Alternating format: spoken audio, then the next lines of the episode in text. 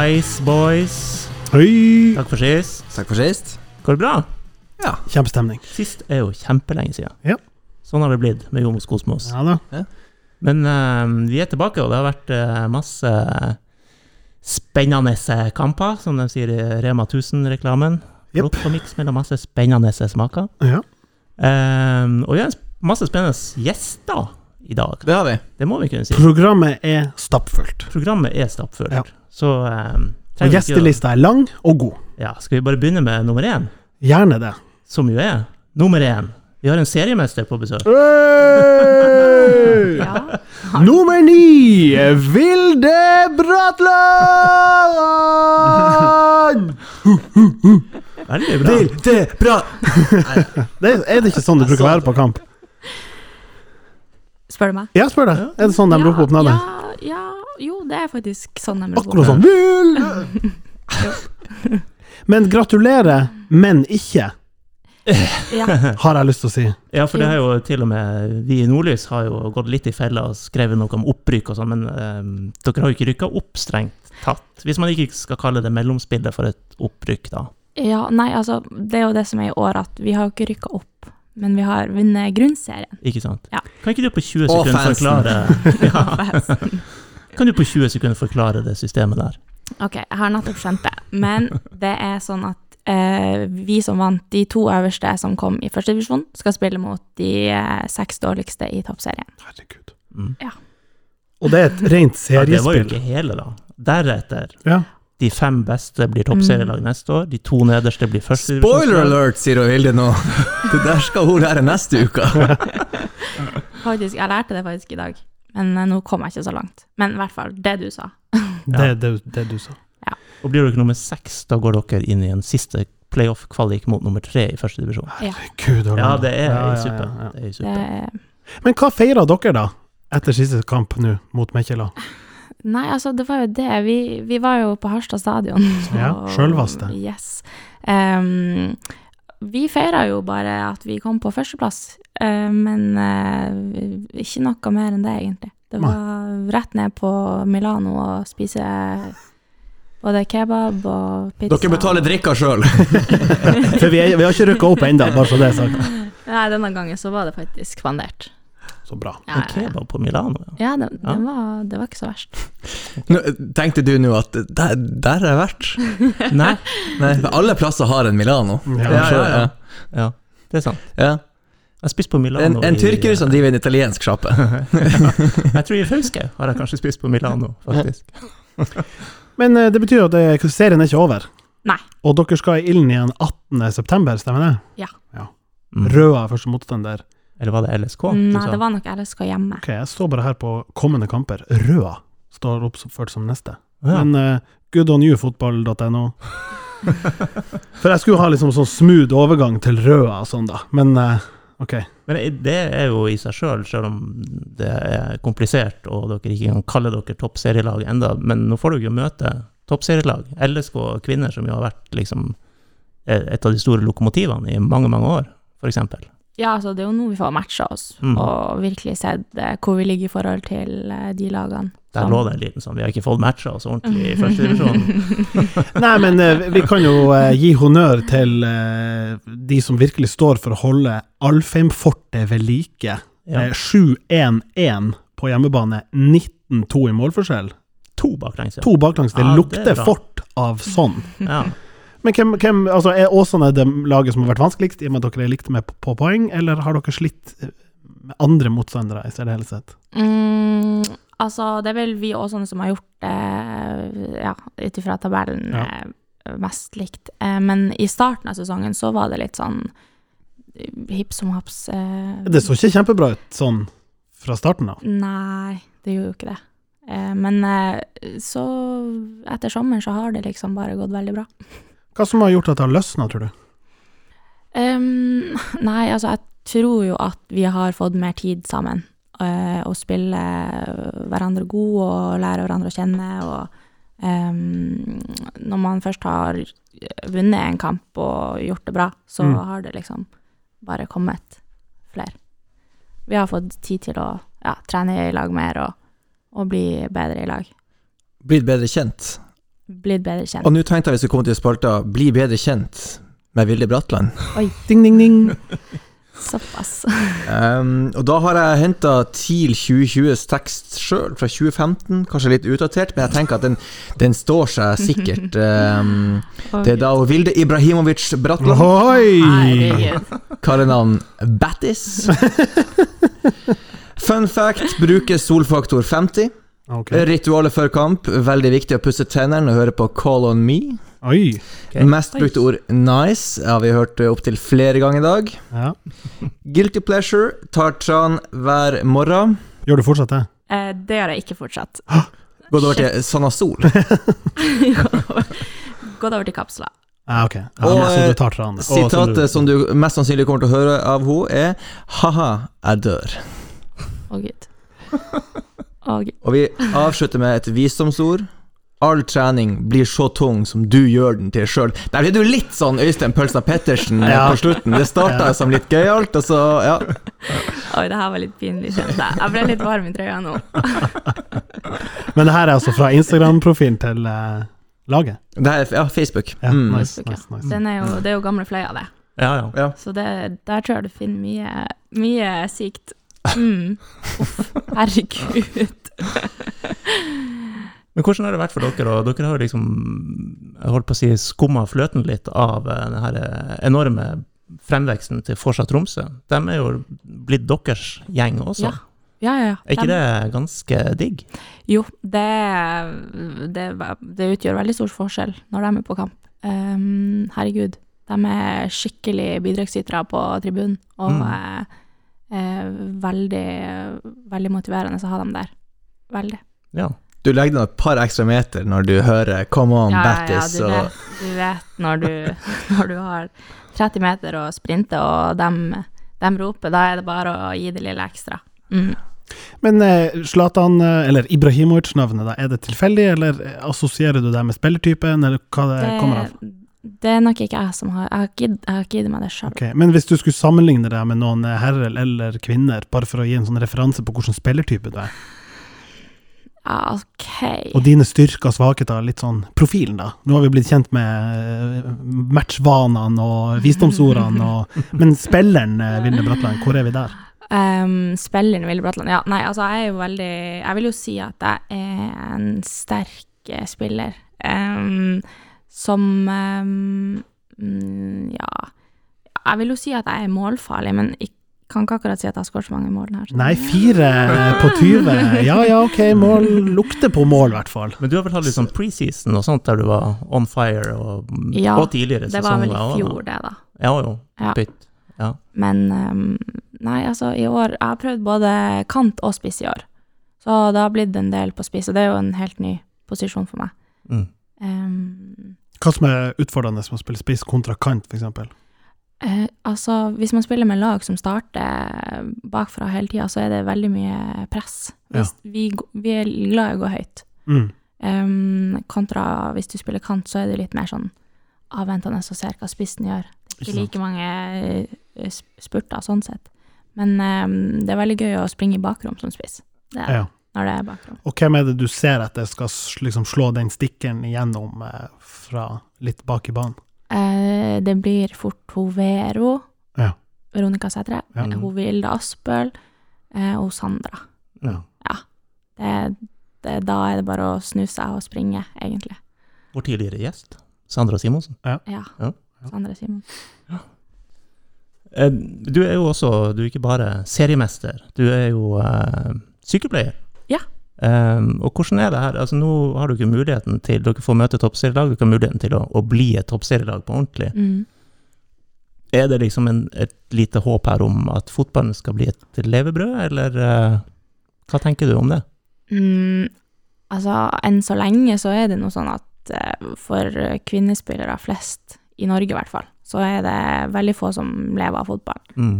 Uh, og for min del å ha noe, noe helt annet enn fotball å gjøre på dagtid, det er egentlig ikke så veldig dumt.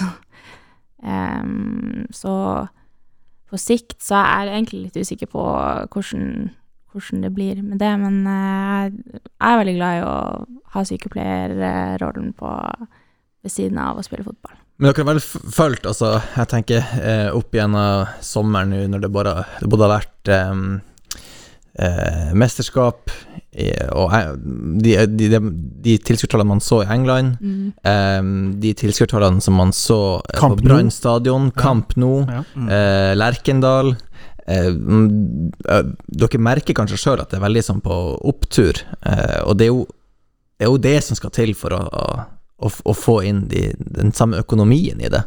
Eh, ja, ja, ja. Og, Mm. og jeg har sett på EM og ser hvordan England fyller opp stadionene der. Det er jo bare helt Ja, det er jo en drøm hvis noe sånt hadde skjedd- i Tromsø eller eh, toppserien generelt. Um, akkurat nå så Så er det jo litt langt unna, men um, å se at det er mulig, det er i hvert fall veldig kult.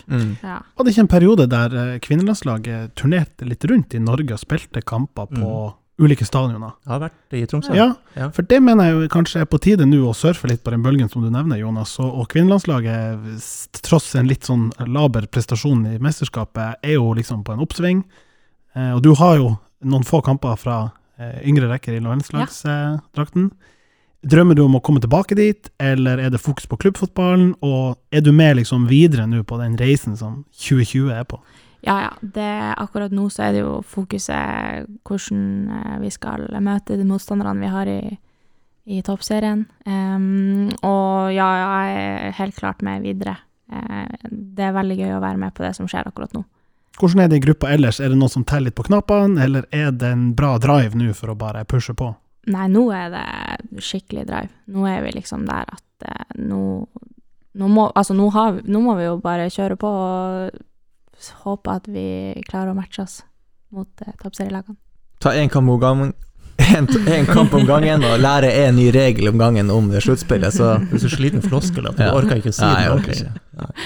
Ja, men det er sant. Vi, må, vi tar en kamp, en kamp om gangen. ja, det, det, En kamp om ja, det, gangen. Det er vanskelig å si, for ingen som tror på det. Den ligger på tunga, den der. Men du, si litt om, eh, om rammebetingelsene. Det har jo blitt bedre for dere. Støtte i klubben og oppslutning og sånn. Eh, si litt sånt, for, fortell litt om det støtteapparatet dere har rundt dere nå.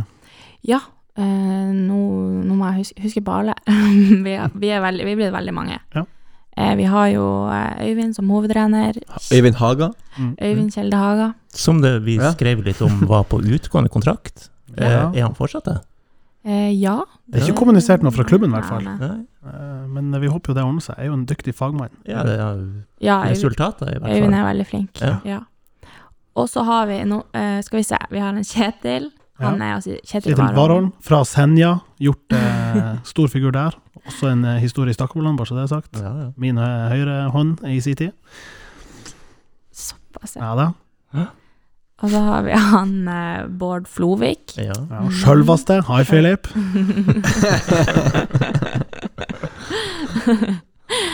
Og så har vi han eh, Jonas Johansen. Han er jo med på Mm. em, sånn sånn eh, Hva heter det? Em, Åpen hall. Er han med hall. på? Han Jonas fra Åpen hall. Og JJs barnepark, hvis det skulle bli behov. Driver Ja. han og kjører Han har jo vært gjest for lenge siden i podkasten her og Mm. fortalte om alle mulige sånne pranks han drev og gjorde på folk. Gjør han det på dere? Nei, han er Han er snillere, han holde snillere med oss. Den ennå. pranken han fortalte om der, håper jeg han ikke kjører der. Skandaler og sånt. Ja. Såpass, ja. Ja. Han er ikke tam, han. Skal vi se. Og så har vi Birgitte Rushfeldt, Ja. lege. Ja, ja. Mm. Tidligere spiller på Ja, laget. tidligere TIL-spiller. Og apropos Rushfeldt, vi kunne jo lese at hun, Sandra, som vi har vært innom Ja. her nå, også har eh, fått litt eh, bistand fra målkongen på Mhm. avslutningssida. Det er jo godt å se at, at klubben evner å liksom fordele de der litt sånn uformelle godene på, på flere. Mm. At man kan nyte godt av det. Ja, Sigurd har vært eh, mye å lære av han. Ja. Han er veldig flink. Herregud. Eh, Han er veldig flink. Ja, men han er veldig flink. Herregud, han, han kan i hvert fall skåre mål. Det er helt sant. Mm. Så har vi ho Susann, Ja. mentaltrener. Ja. Mm. Oi, her, det her er jo Altså, det, det er sterkt. eh, over, overgått gutte, ja, plutselig guttelaget. De her, eh, det her herrelaget som springer rundt. Ja, det er skikkelige greier nå. Mm. Til og med mentaltrener. du-. Du er mentalt sterk nå. Eh, ja. Mm. Vi, vi håper jo at, eh, at laget er mentalt sterkt nå. Så har vi jo um, Skal vi se Vi har en Stefan, eh, materialforvalter. Stiller med kaffe og ferdigpumpa baller og utstyr og alt. Den usynlige jobben.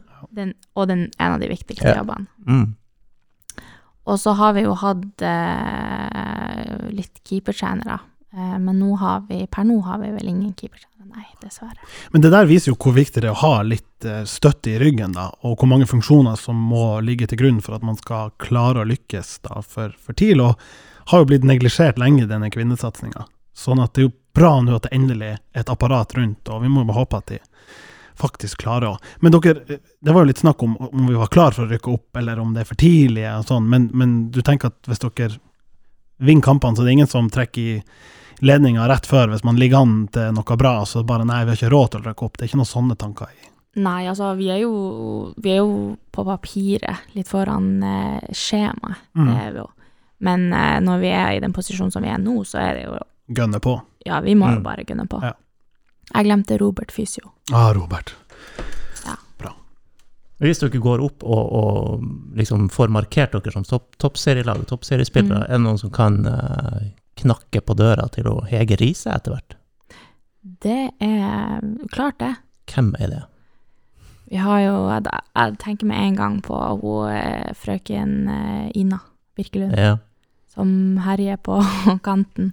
Mm. Hun er, hun er dritgod. Ja, Graham Hansen har jo gitt plass der eh, foreløpig, Ja. etter å måtte ta en liten pause. Så Mm. um, det er jo en spot ledig. Hun er jo veldig ung også ennå, Ina. ja. Hun er, dro på landslagssamling i dag, Mm, Se ja, der. ja. 19. Det gror godt. ja. Tør du å driste på et lite sånn tips? Tror vi på opprykk? Du må jo bare si ja nå. Jeg, jeg kan jo ikke si at jeg ikke tror. Nei, men oppriktig, du tror faktisk at det her kan gå. Altså, topp fem, alt kan skje, Ja. tenker jeg. Mm. Godt sagt. Ja. Ja. Så får vi jo Jon Arne Riise opp. Nei, men vi gjør ikke det. Hæ? Nei, vi skal spille borte. Ja, for det er borte. Ah, Men det det hadde vært enkelt best om han kom. det høres ut som det her er noe dere snakker om.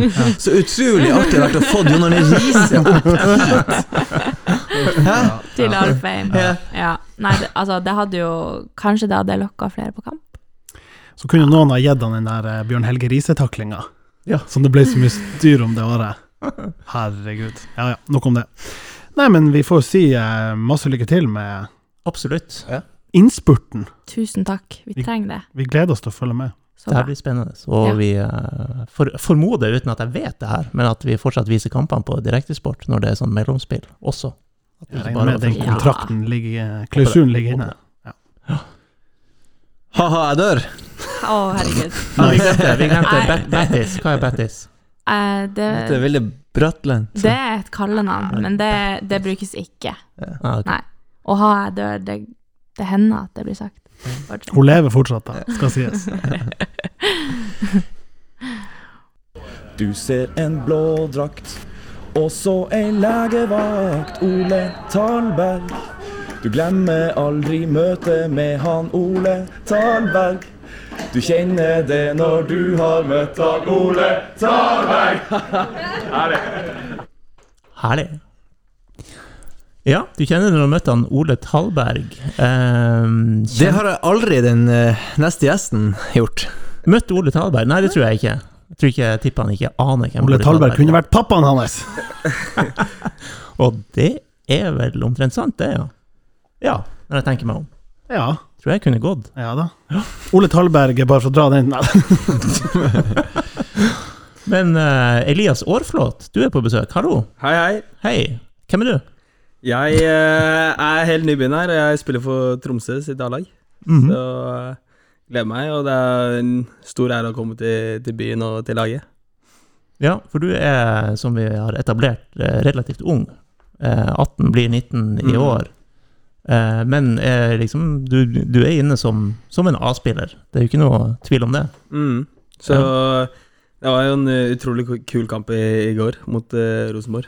Selv om jeg, jeg ikke kom inn, så var det jo en eh, Det var utrolig fett å bare sitte på, på benken der og Ja, for Det må være en av de tøffeste sånn senioropplevelsene Ja. du har når av kamper du har vært involvert i. På, eller Ja, jeg husker Mm. ikke hvem som sa det, men eh, 4000 på Alfheim er som eh, 40 000 på, på, på Anfield der, tror jeg han, han godeste keeperen sa. Så Det er godt meldt. Ja. Det er godt meldt. Nei, det var, eh, det var helt latterlig trøkk på, på tribunen, og, og bare snu kampen. Det var en sånn skikkelig sånn momentumkamp. Ja. Så det var veldig kult.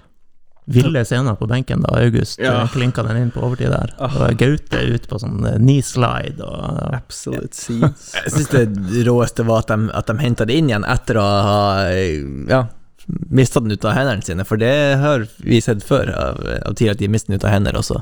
Ja, for den så ikke jo tilbake. Mm. Du så det jo fra benken, Elias, men det, Mm. det så jo på 2-0 etter 20 minutter så jo ut som, som dere skulle virkelig pløye over Rosenborg. Mm, og så er det sånn, og så får de en scoring, og så får de momentum, og Ja, så er det sånn at kamper fort bikker, ikke sant, og så får vi det 3-3, og så blir det 4-3 der. Er Utrolig kult. Hvordan var det å sitte på benken når 2-1 kommer? Begynner dere som sitter her og liksom Å, shit, og mumler litt, eller hvordan er følelsen der på, på rekka der? Vi prøver egentlig bare å sitte og backe gutta og liksom juble hver takling. Liksom få tilbake det, akkurat den momentumen, da. Mm. Så Og hva sier Gaute i pausen? Jeg hørte jo han sa på lufta hos dere at det ble ikke sagt noe spesielt i pausen, men eh, hva, hva, du som var der inne, var det noe sånn her eh, Hva var hovedfokus? Nei, jeg, jeg gikk ikke inn i garderoben, altså. Jeg ble spillende ute. Det var Du var ute og heppa på gresset, som vi alle drømte om, selvfølgelig, i pausen. Selvfølgelig. Ute i regnværet der. Det var deilig. Men nå kommer det jo en ny uh, TV-serie om TIL som følger dem fra garderoben, så nå får vi kanskje se han i litt sånn Mikkel Arteta. Ja, uh, det her er ei lyspære! Og når dere, den, for at den skal fungere, så det Men jeg så noe, noe jeg likte veldig godt da, em, da jeg var ferdig med, med intervjuene i går og måtte over for å hente regnbuksa jeg hadde glemt på pressetribunen. Og det var jo at du sto igjen etterpå og eh, dunka løs på mål. Litt Ja. via vegg, avslutninger. Ja, man, altså, vi må jo, jeg må jo liksom ta igjen for den jobben, jobben de andre gutta har gjort, da. Ja, ja. Så vi bruker liksom alltid å Først så kjører vi noen løp etter kampene, hvis vi ikke har spilt, da. Mm. Og så ble jeg en bare for å skyte litt og terpe på litt sånn tekniske Men jeg har så veldig, sånn generelt sett veldig troa på, og kanskje spesielt for spisser av en eller annen grunn, stå igjen litt ekstra. Ja. Ta, ta noen avslutning, avslutning, Jeg har alltid liksom tenkt sånn Hvis du trener som alle andre, så blir du som alle andre, og da Ja, ikke sant? Brannfakkel for Anders, han tror på trening. mm.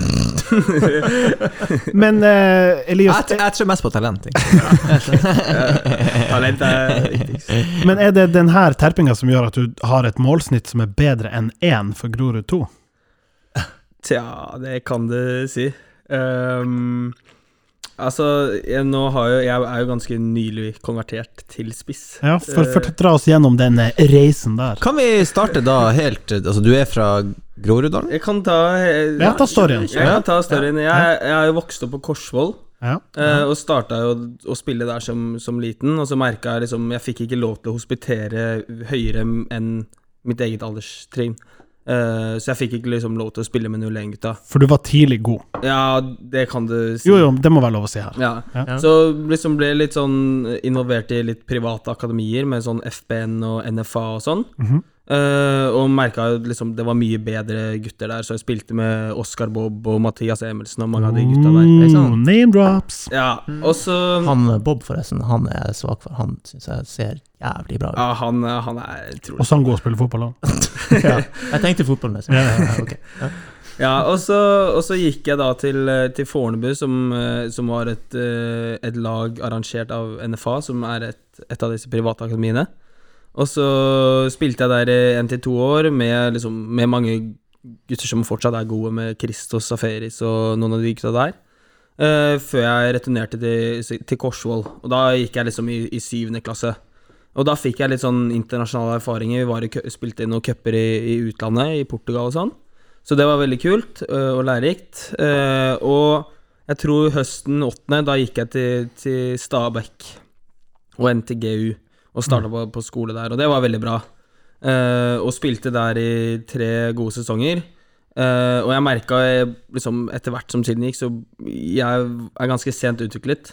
Så alle liksom tok igjen meg på fysikken og ble mye raskere, sterkere. Mm. Uh, så til slutt der så ble det ganske lite spiltid. Uh, og jeg ble flytta ned på bekken. Jeg har jo opprinnelig spilt liksom midtbane. Det er der jeg på en måte har vokst opp, da, Mm. på midtbanen. Eh, så jeg gikk da til Lyn, uh, og spilte der da i første klasse og andre klasse på, på videregående. Det blir vel 2020-2021. Og, det her, er- og Lyn er i hvordan divisjon her? F- Fjerde eller Da var jo Altså, situasjonen da var jo slik at uh, tredjedivisjon, fjerdedivisjon fikk jo ikke lov til å spille Nei, på grunn av koronaen. Ja. Eh, så da var det egentlig veldig gunstig med det For juniorlaget, vi fikk jo lov til å trene egentlig ganske som normalt. Uh, og brøt jo sikkert noen regler her og der med treneren vår. Eh, så det var jo ganske deilig. Eh, så, og koronaperioden var jo for mange liksom kanskje slappa av og sitte inn på rommet, liksom. Men da følte jeg liksom fikk tatt igjen litt for det arbeidet jeg gikk glipp av, da, når de andre var liksom mye sterkere og raskere enn meg i, i Stabæk-perioden, da. Eh, så korona for meg var egentlig liksom en sånn ressursperiode, og fikk liksom jobba hardt og spilt mye fotball. Og så gikk jeg da til Grorud nå egentlig i januar. Eh, og har bare Og konverterte til spiss egentlig i november i fjor, da. Så treneren ringte meg, og så, så sa han Elias, uh, spissen vår har blitt syk. Uh, kan du spille spissen vår? sa han. Uh, og jeg hadde ikke gjort det på trening eller noen ting, og så putta jeg to i den kampen og fire neste, og da var det sånn Elias, du, du kan bli spiss. Ser, han så virkelig et potensial i meg, da, så jeg spilte liksom resten av sesongen som spiss eh, i fjor, da. Så Du- hen, Grorud henta meg som spiss. Ja. ja, for det er jo ingen som altså, Jeg er jo gammel back. Hvis jeg hadde fått en telefon Kan du spille spiss i dag? Ja Man sier jo ikke nei til det. Og så noterer jeg meg at, eh, at vår venn Geir Almeyer ble ikke oppringt og bedt om å spille spiss. Han står fortsatt bak i Forsvaret, og jeg han har fortsatt en liten drøm om at han kanskje tar ett steg til, og så kommer seg nordover igjen og, og tar nivået litt til, da. Men eh, Mm. det får komme etter hvert. Du har jo vært da innom en del sånne ting som Ja, jeg skal ikke si at det er, er dodgy og grumsete, men i hvert fall diskutert mye, sånn her type privatakademi Ja, og sånn. Eh, men det har fungert bra for deg? Um, ja Altså, på det tidspunktet så var det ikke veldig dodgy. Det var ikke, det var ikke så mye snakk om det da. Eh, og det var liksom et veldig fint tilbud til å liksom spille på et litt høyere nivå. Mm. Og det er jo mer utbredt sørpå enn det er her nord. Det er nok Ja. det. ja. Det er det. Det har vært Også- noen besøk her oppe innimellom. Og så en annen ting som liksom I hvert fall jeg har følt mye på, det er liksom at uh, kretslagene og sånn, de ga jo mest spilletid og tok jo de som var størst og sterkest på det tidspunktet, Mm. og ikke så på hvilket potensial de egentlig hadde, da. Mm. Uh, så jeg har jo egentlig nesten aldri vært innom noe kretslag og landslag og de tingene der. Mm. Eh, Men da må vi jo spørre, har du en drøm om å komme inn på noe Det- Kanskje ikke kretslag nå lenger, det er ikke så attraktivt, noen samlinger i Barduhallen, men uh, landslag? det har jeg jo så, så absolutt, og det er det jeg drømmer om å jobbe knallhardt hver dag for å, for å komme og spille der. Men nå hopper vi jo altfor langt i historien her, for at du er jo Du, du, du bare stopper her med Grorud. Det, det, det, det artigste som skjer, er jo at du går fra Grorud 2 til, til TIL. Ja, Ja. Eh, og du må fill the gap. det, det er et stort gap, faktisk. Eh, så mm, jeg kom jo til Grorud eh, som spiss. Jeg kjenner ingen av gutta, og det var veldig sånn Veldig uvant og en helt annen kultur. Eh, men jeg kommer veldig fort inn i det, og preseason er jo bare Jeg scorer to mål, tre mål i hver kamp, og får en sånn helt annen standing i, i gruppa. Mm. Eh, og får masse selvtillit. Så jeg går jo liksom inn i den tredje uh, Altså den våren her med masse selvtillit og bare klar for å peise inn mål. Mm. uh, slik jeg hadde gjort i preseason. Uh, og jeg hadde også trent en del med A-laget i, i den preseason der. Eh, fun fact, altså første treningen min så, så spilte jeg stopper uh, på A-laget. Ja, Og gjorde, gjorde så godt inntrykk at jeg starta neste kamp mot Skeid som stopper. Uh, og så um, gikk det noen kamper senere i preseason der, og så skåret jeg noen mål, og da skjønte A-lagstreneren at jeg var spiss, jeg var ikke, jeg var ikke stopper. men så, ja, så fortsatte vi videre i tredje divisjon der, og skårte mye mål og bare fulgte instinktet, egentlig, og så nå, nå er jeg Og her. så, nei, og så ri- ringer, ringer, ringer Lars Petter og sier hei, vi Ja, hvordan får du nyss i at Ja. TIL er interessert? Uh, ja, altså Den tradisjonen liksom ligaen jeg spilte i, var veldig mye fokus på, og det ble skrevet mye i, i Dagsavisen og de tingene der. Og så uh, hadde jeg snakka litt med agenten min, og han mente at det var liksom klubber som var interessert, da. Og så slo Tromsø på, på tråden, og da var jo det et ganske kult valg. Da lurte vi på hva Er det, er det til TIL 2? Er Ja, man må jo Som stopper? Er det, Ja, det, det kan du si. Men hvem i TIL er det som hadde fiskestanga ute her? Er det Lars Petter, eller er det mer sånn uh, Jonim og Matland og Sør... Jeg tror det var en, en, eh, del, en del blanding der. Jon Imo Matland Rismo, var eh, godt involvert, og Tore Rismo også. Ja. Uh, men jeg snakka jo egentlig med både Gaute og Tore og, og Jon Imo Matland. Og hva er det pitchen deres til deg? Hva er det de selger seg inn med? Ja, det er en- fint vær og Ja, jeg regner med det. Ja, jeg regner med det. Det, det, det, Vi den, da. prøvde å selge det. Ja, ja. en, en, blanding, en blandings på, Blandings eh, på Skarven. ja. Ja, ja. Men du snakka litt om selvtillit. Eh, det har jeg fått inntrykk av at du har. Ja, jeg hadde i hvert fall. Det er jo noe annet å komme opp hit hvor ingen kjenner deg, på en måte. Eh, så det blir jo på en måte bare å fòre det. Men kan jeg spørre om noe stemmer? Jeg bare, jeg bare hørte etter du, kom hit helt fersk, Mm. at dere hadde sittet i kantina og spist. Eh, og så, hadde du lurt litt på hvem de andre var, og hvor de spiller på banen. Og så dem som hadde sagt at de stopper, da hadde du sagt noe sånn Ja, du skal bare passe deg. Eh, det husker jeg ikke helt. Kan, det kan fort ha skjedd. Det kan ha skjedd. ja. Ja. Måtte nesten søke opp gutta på, på mobilen hvem, hvem de var og hvilke posisjoner var, for jeg visste jo ikke egentlig sånn Nei, nei, det er noe med å få ansikt. Men hva altså. skal de passe seg for? Hva slags liksom, spisskompetanse har du? Du sier at du var, kom seint med utviklinga og måtte jobbe det litt inn, men hva er det du vil highlighte som dine styrker? da? Eh, Det er jo den sulten, den eh, råskapen og liksom hele tiden jakte målet. Er det litt Jeg hører litt sånn Carlos Tevez her, nesten. Som en sånn ja, villhund der oppe på topp. Mm. Men hvem, hvilken spiller er det du liksom ser på for inspirasjon, og som du mener du ligner på, som vi andre kan se etter? Uh, altså Forbildet mitt uh, det siste har jo åpenbart vært Haaland. Uh, Ja. Jeg er bare skikkelig imponert over måten han jobber på, hvor utrolig dedikert han er. eh, og bare de små detaljene i bevegelser i boks, alle de tingene der. Eh, så det er veldig inspirerende. Eh, så jeg må jo si det. Mm. Så jeg jobber liksom hver dag for å prøve å se på han, hva er det han gjør, og så får jeg bare utvikle meg deretter.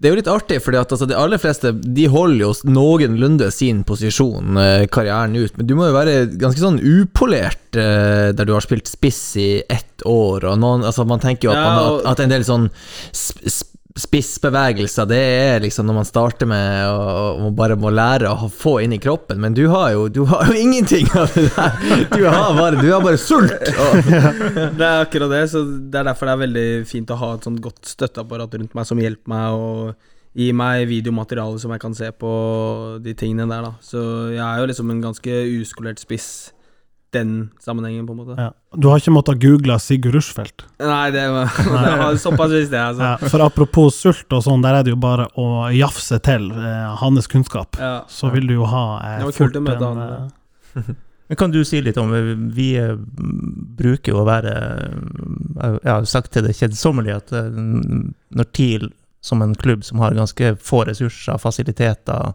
altså ganske langt ned på skalaen der, eh, nå ligger på en åttendeplass, er det ikke det? Eliteserien, Jo. Det er vel noe mener sånn. Ja, det er vel noe sånn i en stund. Eh, og man se, har sett under det trenerteamet her den, den fremgangen enkeltspillere og lag har hatt, eh, så er jo vi ganske udelt positive til den sportslige jobben som gjøres der oppe. Så jeg vet ikke hvordan det har vært for deg å, å komme inn og, og bli en del av gjengen som jobber med det teamet. Hva, hva tenker du på? Nei, altså, Hva er inntrykket ditt av, av måten Gaute og de andre trenerne uh, jobber på? Altså, det ut, jeg synes det er utrolig profesjonelt. Uh, Det er jo egentlig nesten natt og dag i forhold til Grorud, med tanke på Du får liksom den tilretteleggingen med frokost og, og lunsj, og det er uh, videoanalyse før trening og etter trening, og hele den totalpakka der syns jeg er egentlig veldig bra. Mm. Så det må jeg si. Og støtteapparatet med fysisk trener, eh, kombinert med utrolig dyktig fysio og de tingene der, syns jeg jeg er virkelig imponert foreløpig, i hvert fall. Hva er planen for høsten, da? Hvordan, eh, en ting er selvfølgelig du vil spille alt og, og sånn, men hva ser du for deg du kan bidra med framover, da? Eh, altså, nå er jeg såpass fersk, og jeg føler jeg har Det er jo ting jeg åpenbart må jobbe med selv også, så for meg, jeg kjemper liksom for eh, For å få spilletid, og så handler det bare om å være tålmodig. Mm. Men du har eh, vel fått eh, noen minutter før TIL 2 allerede, bare for å litt matchtrening? Ja, jeg har, jo, jeg har jo det, og så fikk jeg jo noen minutter der mot eh, HamKam også, og jeg tar liksom imot det. Ja. På en måte. Kan vi være skjønt enige om at du har ikke enda scora for TIL? Nei, jeg har Neida. ikke det. Nei, og, og, og de Jeg har skåret på straffegokk. ja, og, og alle som jobber med fotball, vet at det teller ikke. Ja. I noen form for statistikk. Nei, det telles ikke. Men straffebommene, Ja. dem teller! Ja. Det er noen som drar det opp på en sånn Ja, har jo bommet på eh, fire av tre, da. Fordi de teller feil. Mm. Men nå er jo veien er jo liksom asfaltert for deg her nå, for det er jo August blir sikkert solgt på et tidspunkt, og så har du de to rene spissene som begge er på, bare på lån ut året. Du er den eneste rene spissen som faktisk har kontrakt neste år. Ja, og du har kontrakt ut 2025, er det vel? Ja, det Så du har en liten sånn Du har en periode foran deg nå der du virkelig kan bare ta for deg. Det, det er det. Så øh, jeg må på en måte bare være tålmodig og, Ja. og jobbe på. Har du settled inn i byen ellers?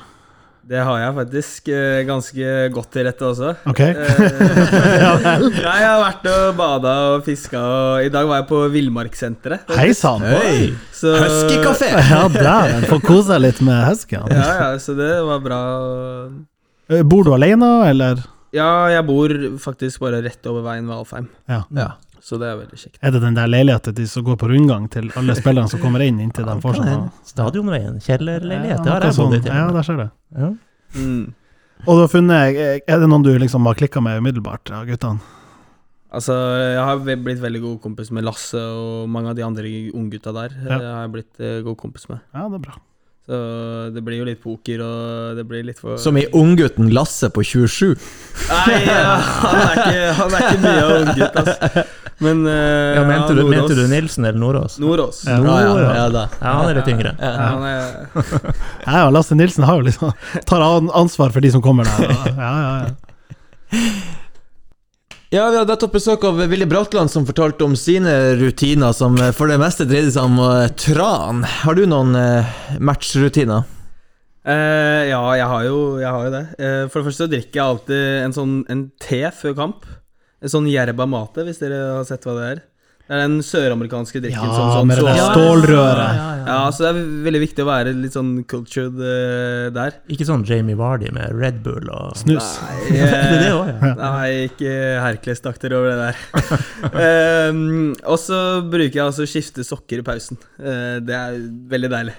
Sånn, Så må jeg ha uansett, uansett om du har spilt eller ikke. Ja, ja selvfølgelig. Ja. Men har du sokker under strømpene?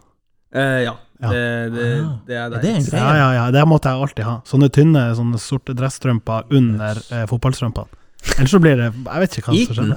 Yes, yes. Ja, det var nå en litt sånn frekk variant. Ja, da føler man seg som et esel, føler jeg. i. Nei, jeg polstra godt, vet du. Jeg Satt Copaen satt som et skudd etter det.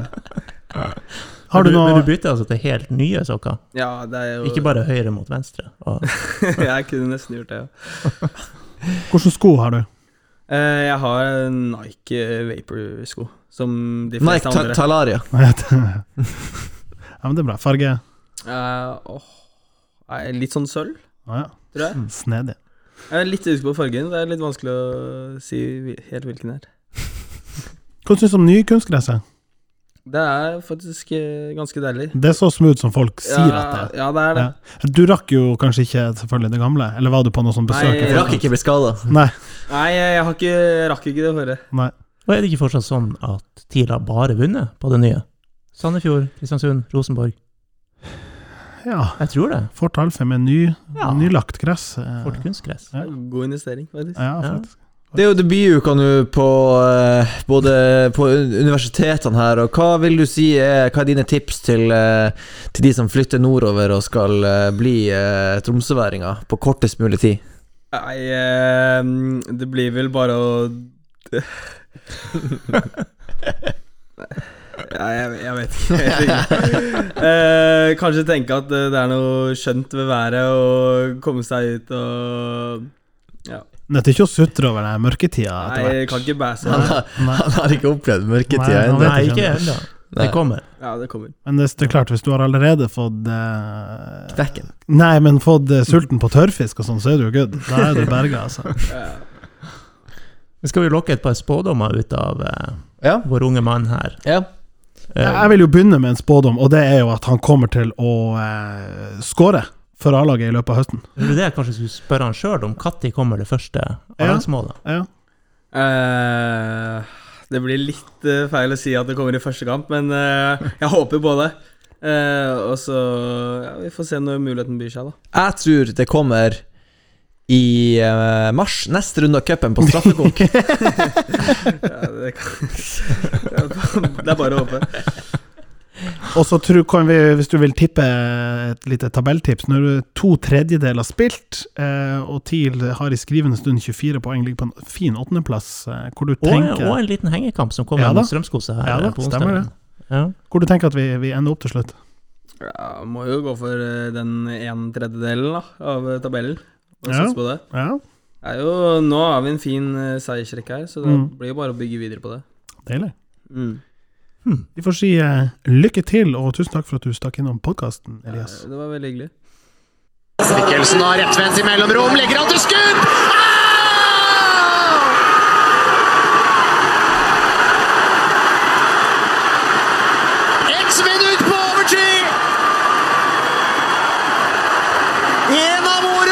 Villeste kamper! Mikkelsen har rettvendt i mellomrom, legger han til skudd! Ah! Men ja, det var en vill kamp, og eh, mannen som sa det, heter Asbjørn Myhre, og eh, du sitter her, du. Hva, hvorfor det? Nei, jeg har jo Jeg har jo ikke landa, så jeg kom meg ikke videre. Ja, si litt om, om eh, fra ditt kommentatorståsted først. Hvordan var den kampen der? Veldig gøy. Veldig gøy. Ja, Kamp som hadde alt. En av de helt sikkert mest severdige kampene i år. En av de villeste kampene i år. Og så er det jo Det er jo gøy å få en avgjørelse.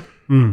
Eh, Det gjør jo TV-produktet mye bedre, og det gjør jo TV-produktet bedre at det er en avgjørelse som kommer på en måte hjemmelaget til gode. Så hadde det vært på Lerkendal, så hadde det vært aller gøyest om Rosenborg avgjorde det ett minutt på overtid, og når det er på Alfheim, så er det aller mest gøy at Tromsø avgjør det ett minutt på overtid. Sett fra et nøytralt perspektiv og et TV-perspektiv. Og så er det jo kanskje ekstra gøy at eh, August Mikkelsen kanskje for alvor etablerer seg som liksom sånn kjæledeggen som alle nå som har maks på boksen, eh, fikk med seg. ja liksom klokka åtte-kamp på søndag. Ja, det er jo historisk sus over det hele, da. Og vi har vel brukt de fire-fem siste episodene på å sitte og snakke om August Mikkelsen. Dæven, han er god. Tenk om han kunne skyte. Ja. ja. Og så gjorde han det to ganger. Ja. Det, det gikk bra. Men det, det er jo sånn, som du, du snakker ut fra nøytralt ståsted, og jeg tror jo den som ikke var så nøytral på kampen i går, ville ha gått hjem og vært kjempefornøyd hvis det ble 3-3, egentlig. Det Fantastisk kamp, og svingte begge veier og alt det der. Men det er jo en utrolig dramaturgi Ja, i den ja. kampen, og det som er så gøy, er at eh, Jeg tenker som kommentator, da, så Reglene for dramaturgi har jo ikke endra seg siden teater i det gamle Hellas. For det er på en måte en helt som får en oppgave og møter noen hindringer, så får han hjelp av noen venner på veien. Og så kommer det et vendepunkt, og så på en måte Ja, løs, og- og- løser han oppgaven til slutt. Og sånn er det jo. Og, det er jo det er på en måte de urgamle reglene for historiefortelling, og det er derfor det blir så gøy, sånn som det blir i går. Det er som i, i Rocky-filmen. Han, han starter bra, og så får han litt sånn trøbbel, eller blir slått i bakken noen ganger, og så vinner til slutt. Ikke sant? Ja. Ja, Der har du greske antikken og rockefilmene. Det er forskjell på nivået på kulturen, da. Men eh, Nei men, nei, men det er på en måte de samme reglene tror jeg, som, som ligger til grunn for det, og Ja. det er da du får de gøyeste fotballkampene. Men eh, du har vel eh, vært innom Alfheim og sånn i din lange kommentatorkarriere. Er Noen andre kamper du husker godt med TIL involvert? Jeg er så dårlig på det, så, så det jeg husker best nå, er, er det i går, selvfølgelig. Og jeg, jeg holder ikke Altså, jeg har ikke engang en oversikt over hvilke kamper jeg har kommentert, eller noe som helst, men jeg um, Jeg var her veldig mye i en periode fra uh, 2006 til eh, 2010-2011, og det var jo en veldig god periode for Tromsø. Absolutt. Ja, fine tilår, det. Eh, Så i den perioden var jeg her mye, og så har jeg ikke vært her så mye de siste åra. Blant annet fordi Tromsø har vært en tur ned i eh, Obos-ligaen. Så, eh, så men, men jeg tror det er vanskelig at noe skal toppe der. Så jeg begynte å tenke på Kommenterte jeg den kampen da Sigurd Russfeldt tok skåringsrekorden mot ja, Brann i 2011? Jeg begynte å lure på om jeg gjorde det. Jeg klarte ikke helt liksom å Tenkt samme tanken sjøl. Ja, ja, ja. Men eh, Så, hvordan så det har sikkert vært gode opplevelser tidligere, altså. ja, Er det noen spillere som du husker ekstra godt når vi sier TIL? Liksom, ah, du tenker på han Bummen, eller hvem som er liksom dine Jo, men jeg tenker på Bummen også fordi jeg har jobba litt med Bummen. Nettopp. Ja, Ja, ja. ja, ja. Jeg tenker på Ole Martin Årst fordi jeg også har jobba litt med Ole Martin Årst. Eh, så de står jo ut, da, selvfølgelig. Fine gutter, det. Eh, Ja, det er jo det. Ja. Eh, og så er det jo sånn at uh, jeg, jeg har jo et litt spesielt forhold til Tromsø, i hvert fall by, fordi jeg bodde her et år. Hey. Uh, Så jeg studerte her et år for det som begynner å bli uff, nesten 20 år siden. Så det er fælt å tenke på, da, men eh, ja, i hvert fall en 18 år, år siden. Så, så bodde jeg her et år, så derfor har jeg et litt spesielt forhold til Tromsø. Og da i en periode etter det så jobba jeg ganske mye med TIL-kamper for TV 2. Ja. Så um, ja, sånn sett så har jeg ja, eh, ja, kanskje litt ekstra øye til hvordan TIL gjør det. Vi kan ikke la det bare skli ut som en Nei, for liten bisetning. Du må fortelle om det året i Tromsø, da. Ja, du mener det jeg husker av det? Ja, akkurat. Nei, men det var, det var superbra. Jeg hadde et veldig bra år i Tromsø. Eh, Jeg hadde Dette var Altså, jeg flytta hit i 2004, til studieåret da. Så det er veldig lenge siden. Ja. Eh, og da hadde jeg allerede gått Journalisthøgskolen i Oslo. Jeg hadde jobba en del som journalist. Så jeg, hadde liksom, så jeg hadde til og med lagt meg opp litt penger, så jeg kunne flytte opp hit ett år, bare være student. Kjente ingen da jeg flytta opp her. Og flytta bare opp for å være student og studere pedagogikk på universitetet. Det har jeg jo tatt. Mm, PPU. Ja. Og det er jo sånn du gjør når du har på en måte studert litt forskjellig, og så tenker jeg jeg må ha en livsforsikring her. Jeg må ha en livbøye som gjør at det, i verste fall at ikke noe annet lykkes, så kan jeg i hvert fall undervise litt. Eh, Men det var helt fantastisk. Koste meg veldig. Flytta inn, bodde i Grønnegate, Ja, ikke sant. ja. Bodde midt i byen. Tøffelavstand ut uh, på alle steder. Var veldig involvert på en måte i studentmiljøet og var tillitsvalgt på studiet mitt og koste meg veldig hele det året. Så det har veldig gode minner um, fra det. Og så, ja, så har jeg vært tilbake her uh, med ujevne mellomrom etter det i, i jobbsammenheng, da. Men det var veldig gøy. Og faktisk så Kommentatorkarrieren vil jeg si faktisk starta på soverommet mitt i Grønnegate, i det som den gang var et ganske nytt leilighetsbygg. Gikk forbi der tidligere i dag, så ikke like fresh ut nå, men rett bak Mack. Der ligger et sånt uh, Ja. leilighetsbygg. Ja, ja. Og eh, våren 2005 så, så utlyste NRK en kommentatorkonkurranse. Eh, og det, må huske at Dette var den gangen man sendte én kamp fra Eliteserien hver runde på TV. Det var NRK som hadde rettighetene. Og så tenkte man nok, sannsynligvis med tanke på at det var en ny rettighetsperiode som starta fra 2006, at NRK skulle være litt i forkant, begynne å sende ting på web-TV den gangen. Ja, ja. Stort. Uh, så da, fra høsten 2005, så skulle man bemanne opp eh, med kommentatorer, alle de andre kampene som ikke gikk på TV, og sende de sånn enkameraproduksjon, sånn som vi har fra noen Obos-kamper og sånn nå. Så da kjørte NRK en eh, kommentatorkonkurranse våren 2005 mens jeg bodde her, var i ferd med å avslutte PED-studiet mitt. Så da satt jeg på rommet mitt i Grønnegate, og da skulle du kommentere på et eller annet sånn videoklipp og, og laste opp. Ja, ikke sant. Ja. Ja, ja, ja, ja. Eh, og så fikk jeg veldig gode tilbakemeldinger på det, så da jeg var ferdig med studiet her eh, til våren 2005, så var jeg veldig usikker på hva jeg skulle gjøre, eh, og hva jeg skulle jobbe med og sånt noe. Men noe av det som egentlig trakk meg tilbake, var at da fikk jeg høsten 2005 kommentere Eliteserien for NRK. Ja. Ja. Og så kom jo TV 2 med sitt milliardbud fra 2006 og overtok norsk fotball, og så ble jeg jo henta videre dit. Ja. Så, så um, det der første klippet ble lasta opp fra soverommet i Grønnegata, faktisk. Har du den, da? Nei, det håper ingen andre har det. Men hva, Vi har funnet frem! ja, det er veldig bra.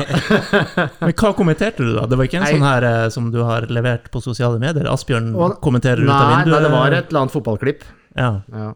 Så jeg husker ikke hvilket det var, men det må vel ha vært noe fra 04-05, et eller annet. da. Uh, Håper det var noe TIL. 04 var jo en kjempesesong for gutta. Så Ja. ja, det klarer jeg ikke å huske, faktisk. med Kovacs og Lars Iverstein og Gamsten gikk til Blackburn det året, gjorde han det? Mm. Ja. Sterkt. Solgte bort gullet. På sommeren. Mm. Mm. Gamsten og Kovacs. Så eh, ja, nei, så forbindelsene er jo der, da. Ja, Det er de faktisk. Så du var ikke så nøytral i går? Jo, jo da. Det, det, Jo var- det jo da. var Vi skal, skal ikke så tvil ved det, da. Men hva, hva tenker du om det TIL du ser nå? Vi, har, liksom, vi repeterer oss sjøl av og til, men det, det er jo en klubb med dårlige fasiliteter, dårlige ressurser, en litt sliten stadion. Eh, de pleier vel sjøl å snakke om at de er egentlig nummer 20 i Norge, ish, eh, på de tingene der. Eh, men ligger nå som nummer åtte. Mm. Eh, hva du tenker om, om den jobben som gjøres, og hvordan det laget ser ut? Må man ikke dele opp det litt, da, i sport, i Jo, jo. økonomi, i omdømme, infrastruktur? Altså det er mange deler av det, da. Ja, min, mitt litt ledende spørsmål eh, gikk på at dette med økonomi og alt er veldig slitent, mens det med sporten fungerer litt sånn Mm. over evne. Egentlig bedre enn man Ja. kunne forvente. Og eh, det er, det er ikke så lenge siden jeg tror Ja, jeg fikk et spørsmål da fra uh, Eurosport.no, kollegaer for så vidt. I den der striden om å unngå kvalikplassen. Hvem tror man mest sannsynligvis holder seg, og hvem uh, lever litt farlig? Så var jeg Jeg føler meg ganske sikker på at Tromsø kommer til å styre klar av det, og jeg er jo ikke noe mindre sikker på det etter kampen mot Rosenborg, fordi at Tromsø har et av de lagene som er en, tross alt fire, fem, seks, sju lag, kanskje det beste grunnspillet, eller kanskje det ja, klareste grunnspill, eller hva jeg skal si. da. Så har man mangla litt kvalitet i begge bokser egentlig til å avgjøre kamper i sin fordel. Mm. Det kreves litt for få sjanser for motstanderen til å score på TIL, Mm. og de er litt dårlige til å utnytte spillemessig overtak. I hvert fall har det vært sånn. Men uh, det de gjør sportslig, er sånn sett uh, bra, og nå, jeg tror de har kvalitet til å klare seg greit. Og så er kan jeg da fortelle de litt yngre her at det kaoset man kanskje har et inntrykk av Så vidt jeg kan huske, var det det samme for 20 år siden, egentlig, på en måte. Og veldig sånn Og den gangen, det jeg kan huske fra, som en veldig utenforstående den gangen, også veldig sånn fraksjoner Ja. i Tromsø, hadde jeg inntrykk av den gangen. Ulike grupperinger som prøvde liksom å komme i posisjon og um, Så blir det jo veldig spennende. Det skjer jo veldig spennende ting i de dagene her, tydeligvis. Har jeg fått med meg med tanke på Blir det en emisjon? Får man inn nye penger? Ja. Hvem skal gå inn med penger? Tvinges man til å selge? Ikke bare tvinges man til å selge, men skal man tvinge spillere som kanskje ikke vil bli solgt, til å bli solgt for å berge økonomien? Det er jo en del sånn veldig interessante der, ting der. Og det, det må jo være her en rekke av ledere på u ulike nivåer som har ikke klart å på en måte etablere Tromsø bærekraftig nok, da. Man har vært hele tida avhengig av ikke bare rike onkler, men egentlig snille onkler for å berge dette her fortløpende. I ganske mange år. Ja, Ja, i mange år, men det er derfor jeg Ja. tenker tilbake på når jeg bodde Ja, da, her jeg, i jeg syns jeg 2004-2005. så i, forbindelse med den her eh, lille stormen rundt eh, eierskapet på Alfheim og Trond Moen, at det var vel sånn Han har over tida gitt 120-150 millioner til klubben. Og det er jo ellevilt. Ja. og særlig når vi også i dag sitter og opplever at eh, klubben driver ganske sånn på sparebluss. Mm. Så er det litt sånn Jeg hørte Øyvind sa at de har kutta kostnader så langt det går, før det virkelig Hvis man skal kutte mer, ja, da blir det ikke noe toppfotball. Så enkelt er det. Mm. Altså, det er jo et uh, sort hull uten propp der oppe. um, ja. og du var jo innom uh, Vi hadde spådomsseksjonen vår før uh, sesongen med at vi håper vi får noe salg på den tomta og boligopplegg og sånn. Og det siste jeg hørte, var at kommunestyret Nei, det var søppel, så helt elendig ut, den Ja. tegninga der, så det blir nye år på skrivebordet. Ja. Det tegner jo ikke godt for et bærekraftig Alfheim, selv ikke etter 20 år med samme situasjon. Og TIL har vel hatt perioder hvor de har hatt en bedre økonomi, som de har brukt ganske Vært litt for rundhånd- offensive. Ja, vært litt for offensive. eh, Og så har man, så har man, ja, så har man fått da, noen gode resultater ut av det i perioder. Eh, men så kan man jo sitte etterpå og lure på skulle man ha brukt de pengene på en annen måte. Samtidig så er det sånn at det er alltid mye lettere å få med seg investorer på å hente en ny spiss Ja. for å eh, bli nummer tre, fire eller berge plassen, Ja. Ja. si ja, nå må vi tenke litt langsiktig. Ja. Nå har vi noen infrastrukturkrav vi skal løse her. Kan du spytte inn noen millioner? Ja. Det er nesten umulig å få med noen på det. Ja.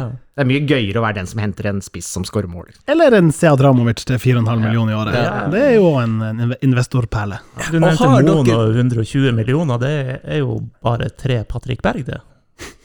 Ikke så mye. Det viser seg jo det.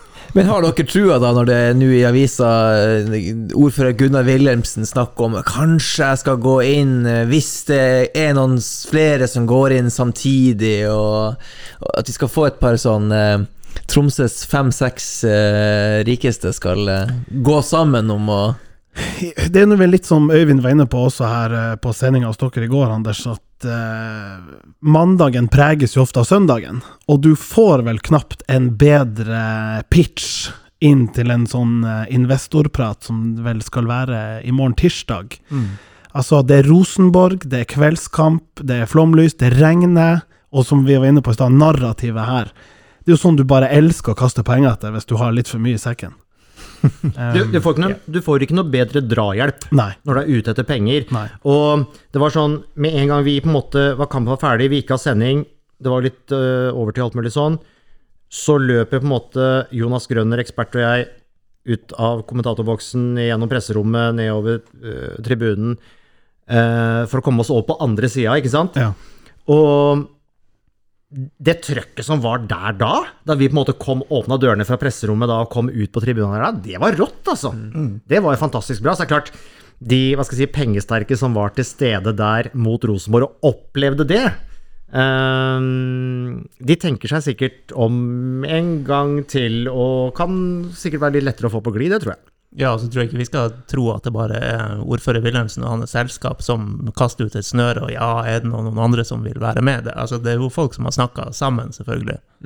Eh, sånn var det jo for en del år siden også, folk som sto klar og ville kjøpe seg inn, og så har det ikke blitt noe av. Eh, og der diskuteres det jo mye det du var inne på, Asbjørn, med fraksjoner. Da har du liksom en bande som kan tenke seg å gå inn med penger, og så er det andre som sitter på, på eierskap og rettigheter, som kanskje ikke vil kvitte seg helt med det. Eh, Blant annet dem vi nevnte som har vært utrolig gammel eh, overfor TIL i mange, mange år, og selvfølgelig må huskes for det når, når de en gang eh, gir seg. Eh, så det er vanskelig, det der.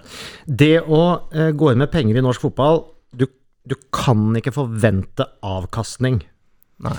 på de pengene du går inn med. Det, altså, i, hva skal jeg si, i, i store trekk så skjer jo ikke det. Du kan Hadde vi hatt noen rundt det her bordet som hadde skrevet på masteroppgave det her, så kunne vi kanskje er diskutert det. Ja. Du, du kan jo ikke det. Altså, All historie viser vel det, at det kan du ikke regne med. Men hvis du er en person som har tjent noe penger, og du har et overskudd, og du kanskje har lyst til å bruke det på et slags godt formål, eller for å bedre omdømmet ditt, eller et eller annet sånn, så kan du selvfølgelig bruke de pengene. Ja, og det er jo det Trond Moen, filantropen, egentlig har gjort, ikke sant? Og så er det noen i Vålerenga som etter sigende går ned i garderoben og sier at eh, sånn skal det være, det er jeg som betaler gilde, selv om i eh, henhold til dualmodell ikke er lov, ikke sant? Eh, og, altså, ja, nå har jo Sparebanken prøvd seg en del år på å kaste inn penger i TIL og sier at eh, det gjør vi ikke lenger. Nå bruker vi vel 20 millioner, så henter vi landets største artister og har en konsert nede på kaia her. Ja. Det gir dem mer omdømme, har de funnet ut. Ja, de kunne heller kalt det for Sparebank1 Arena. Ja, men eh, stadionnavnet er vel up for grabs. De Ja. sier så, de Ja, sier så. Ja. Har du noen forslag? Noe som hadde Ikke kom med den der Mack Arena, for den er vi lei Jeg vet hva, hører jeg den en gang til? Og, og Konsto Arena er brukt. Eh, Ja, der har de til og med sagt at det blir ikke aktuelt med to Ja. Konsto Arena. Nei, og det, det blir ikke noe Sparebank-arena heller. Om ikke Mac Kan man- Arena, kan vi få kan Ma man tenke- Mas Arena? Ja, men kan man tenke annerledes, da? Kan man uh, Kan det være noe nordlys eh, Kan, kan en no, Nordlys Arena klinger bra. Ja. men, jo, men, Eh, det får du ta med dine øverste, Anders. jo, men jeg tenkte ikke nødvendigvis bare på avisa. Jeg tenker på liksom Eller kan noen, et stort selskap, gå inn og så sette et litt sånt overbærende navn på det som ikke nødvendigvis er direkte kobla til firmanavnet? Er det noen Og som da skulle vi jo hatt en tidligere daglig leder som nå drifter et sånt stort eh, reiselivsselskap med masse penger i ryggen. Høydal, ja. Kristian Høydahl ja. sitter jo på toppen av fjelleisen og strør ut penger på Hva er det de heter igjen? Eh, En Norwegian Travel Group. Ja, men De kunne jo ha branda det, som du sier, litt sånn tett relatert, men ikke direkte Oi. Norwegian Travel Oi. Group Arena. Norwegian Travel Group, og vi har jo allerede NTG på Alfheim. NTG Arena. Ja. Er det noe? Ja, man kan Northern Most og et eller annet. Ja. Jo, men ikke sant. Så har du um, Hva skal TILs identitet være? Mm. Nå har de knytta seg litt opp mot uh, Eller markert seg i menneskerettighetspolitikken opp mot mm. Qatar og den biten der. eh, Kan man knytte seg noe opp mot eh, den nordnorske landsdelen på et annet vis, eller hva kan man gjøre? Jeg er litt sånn Jeg tror identitet er veldig viktig da, for å skape Tilhørighet. tilhørighet. Ja. Og der sliter jeg litt med å plukke opp TILs identitet i dag. Mm. Hva er det? Eh, Det er jo Det er fortsatt. most professional football club in the De, world. de, de, det- de, de, de prøver jo å, Ja. å beine De er ikke ja, der, men de, de, ja, de, de prøver å finne litt sånn Hva, hva er det særegne med klubben, og så eh, Ja. Og det, det tror jeg er kjempeviktig, og det kan være mange ting, da. Uh, Men jeg, jeg syns det er mange, eller flere eliteserieklubber i dag som har en tydeligere identitet enn hva Tromsø har per nå. Lillestrøm ferd, hadde utviska sin, måtte ned i Obos-ligaen. Jeg syns de har en mye ty tydeligere identitet. Nå er de litt tilbake til den derre drittklubben som bare skårer på dødball, og på en måte er litt sånn veldig romerike, skjønner du? Viking litt det samme. Eh, Satsa veldig på åpenhet og den litt sånn friske satsinga når de kom i, har kommet opp igjen eh, nå. Ok, Odd hadde sin telemarksmodell og cupmesterskapet de vant før andre verdenskrig, liksom. Men, men det, er, det er jo noe med hva kan du gripe tak i som er din identitet? Jeg tror det er viktig for å dra med seg folk. Da.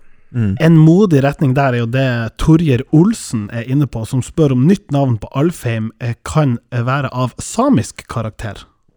Ja. For det er jo også et spor som klubben har fulgt opp, både når det gjelder litt sånn rasisme fra tribunen, den høgelige høglig satsing, holdt jeg på å si.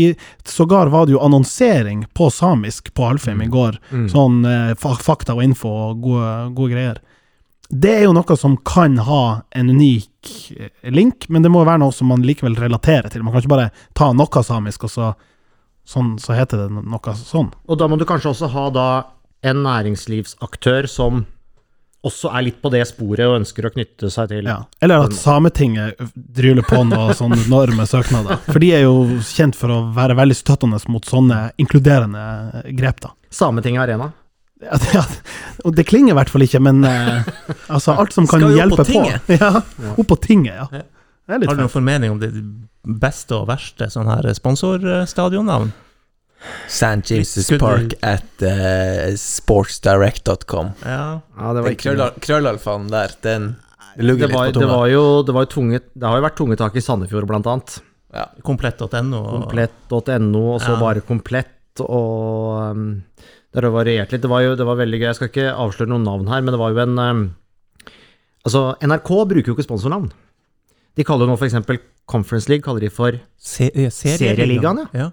Ja, ja, ja. Som jo heller ikke er noe sponsornavn, egentlig. Mm, nei, Men i hvert fall, de har, jo ikke ikke, de har jo ikke vært villige til å kalle de stadionene ved det sponsornavnet heller. Nei, Så for noen år siden så var det jo eh, en NRK-kommentator som rett og slett kom for seint til kamp fordi han kjørte rundt og leita etter Sandefjord stadion. Eh, som, som de jo da konsekvent kaller det. Og så jo masse skilt til komplett, selvfølgelig. Og så å, Bugårdsparken, gamle der, ja, bort her. Eh, så det er jo noe Det kan man kan jo dra det der for langt uh, òg, da. Du har noe i Skottland som heter Tony Macaroni Arena. Herregud. Er nesten Macarena. Nesten like det- kjipt. Men Asbjørn, hvor ser du eh, veien videre for guttene? Er det tilbake til 04-nivå, eller den her perioden som du dekte dem mye i 07, 08, 09 her, eller eh,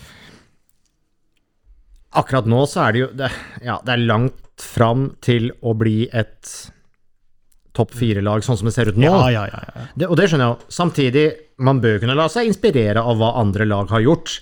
Det er ikke mange år siden Bodø-Glimt var nesten i den samme økonomiske situasjonen, og det sier meg jo én ting, det sier meg om at det handler om å få inn riktige folk i riktige roller, blant annet, da. Eh, jeg er jo glad for at de har en kontinu kontinuitet og har fortsatt med Gaute Helstrup, jeg, da. Ja. og, og fortsetter å jobbe på den måten. For det syns jeg gir seg utslag i det, i det sportslige. Og så jeg er spent på hva de må gjøre nå, hva som kommer til å skje i løpet av de siste dagene av overgangsvinduet. det er klart at det, det er litt sånn nå Seieren mot Rosenborg, så er det en ny hjemmekamp mot Godset. Vinner du den, så har du vel da 27 poeng, har du ikke det? Da er du, da er du én seier nesten unna, da.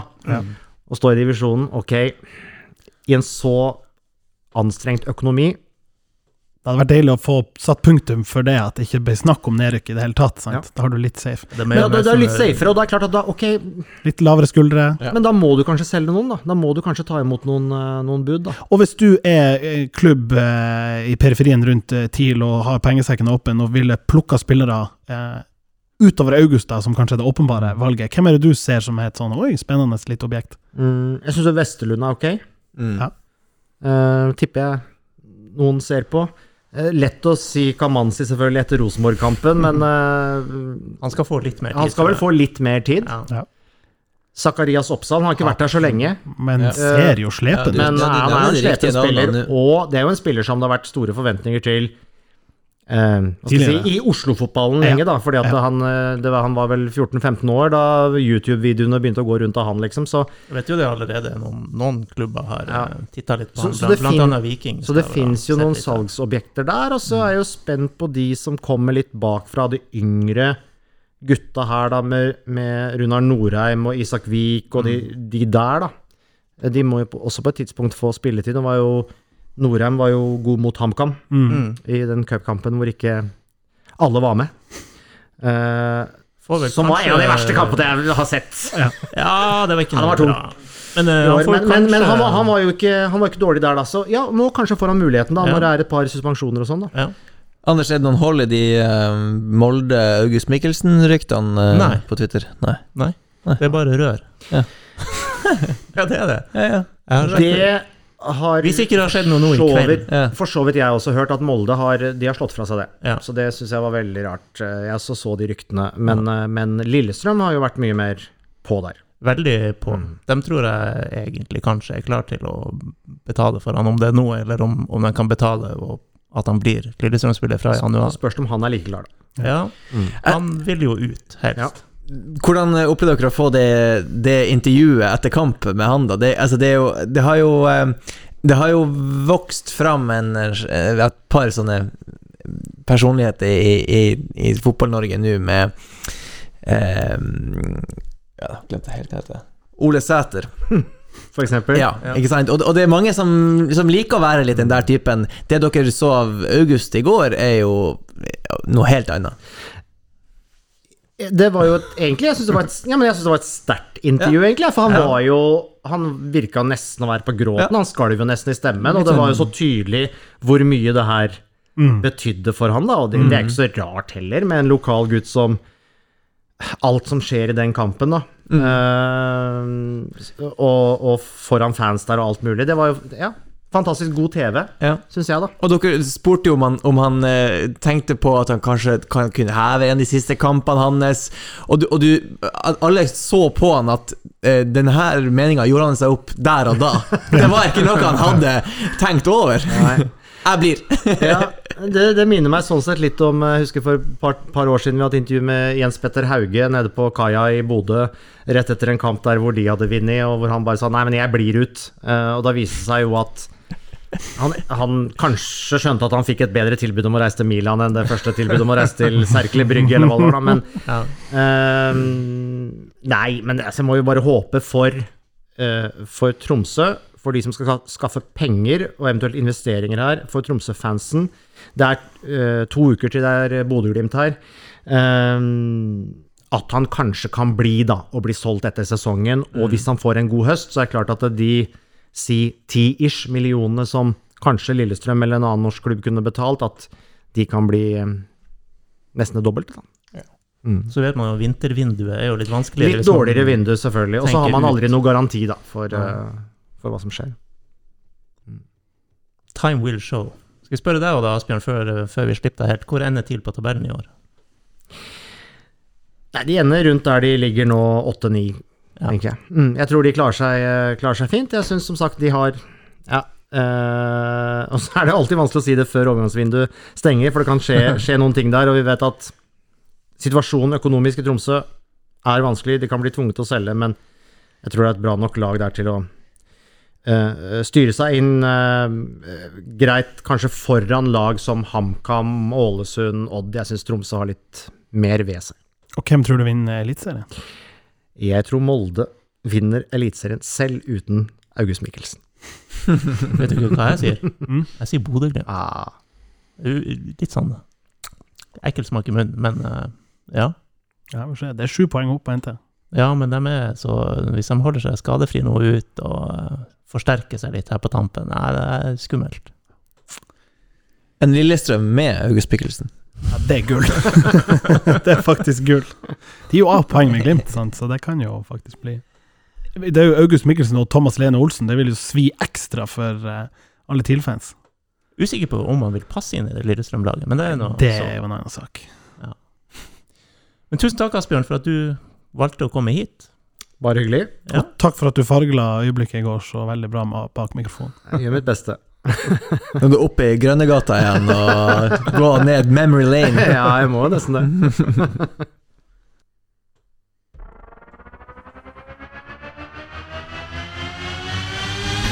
Dæven, Remi! Hallais!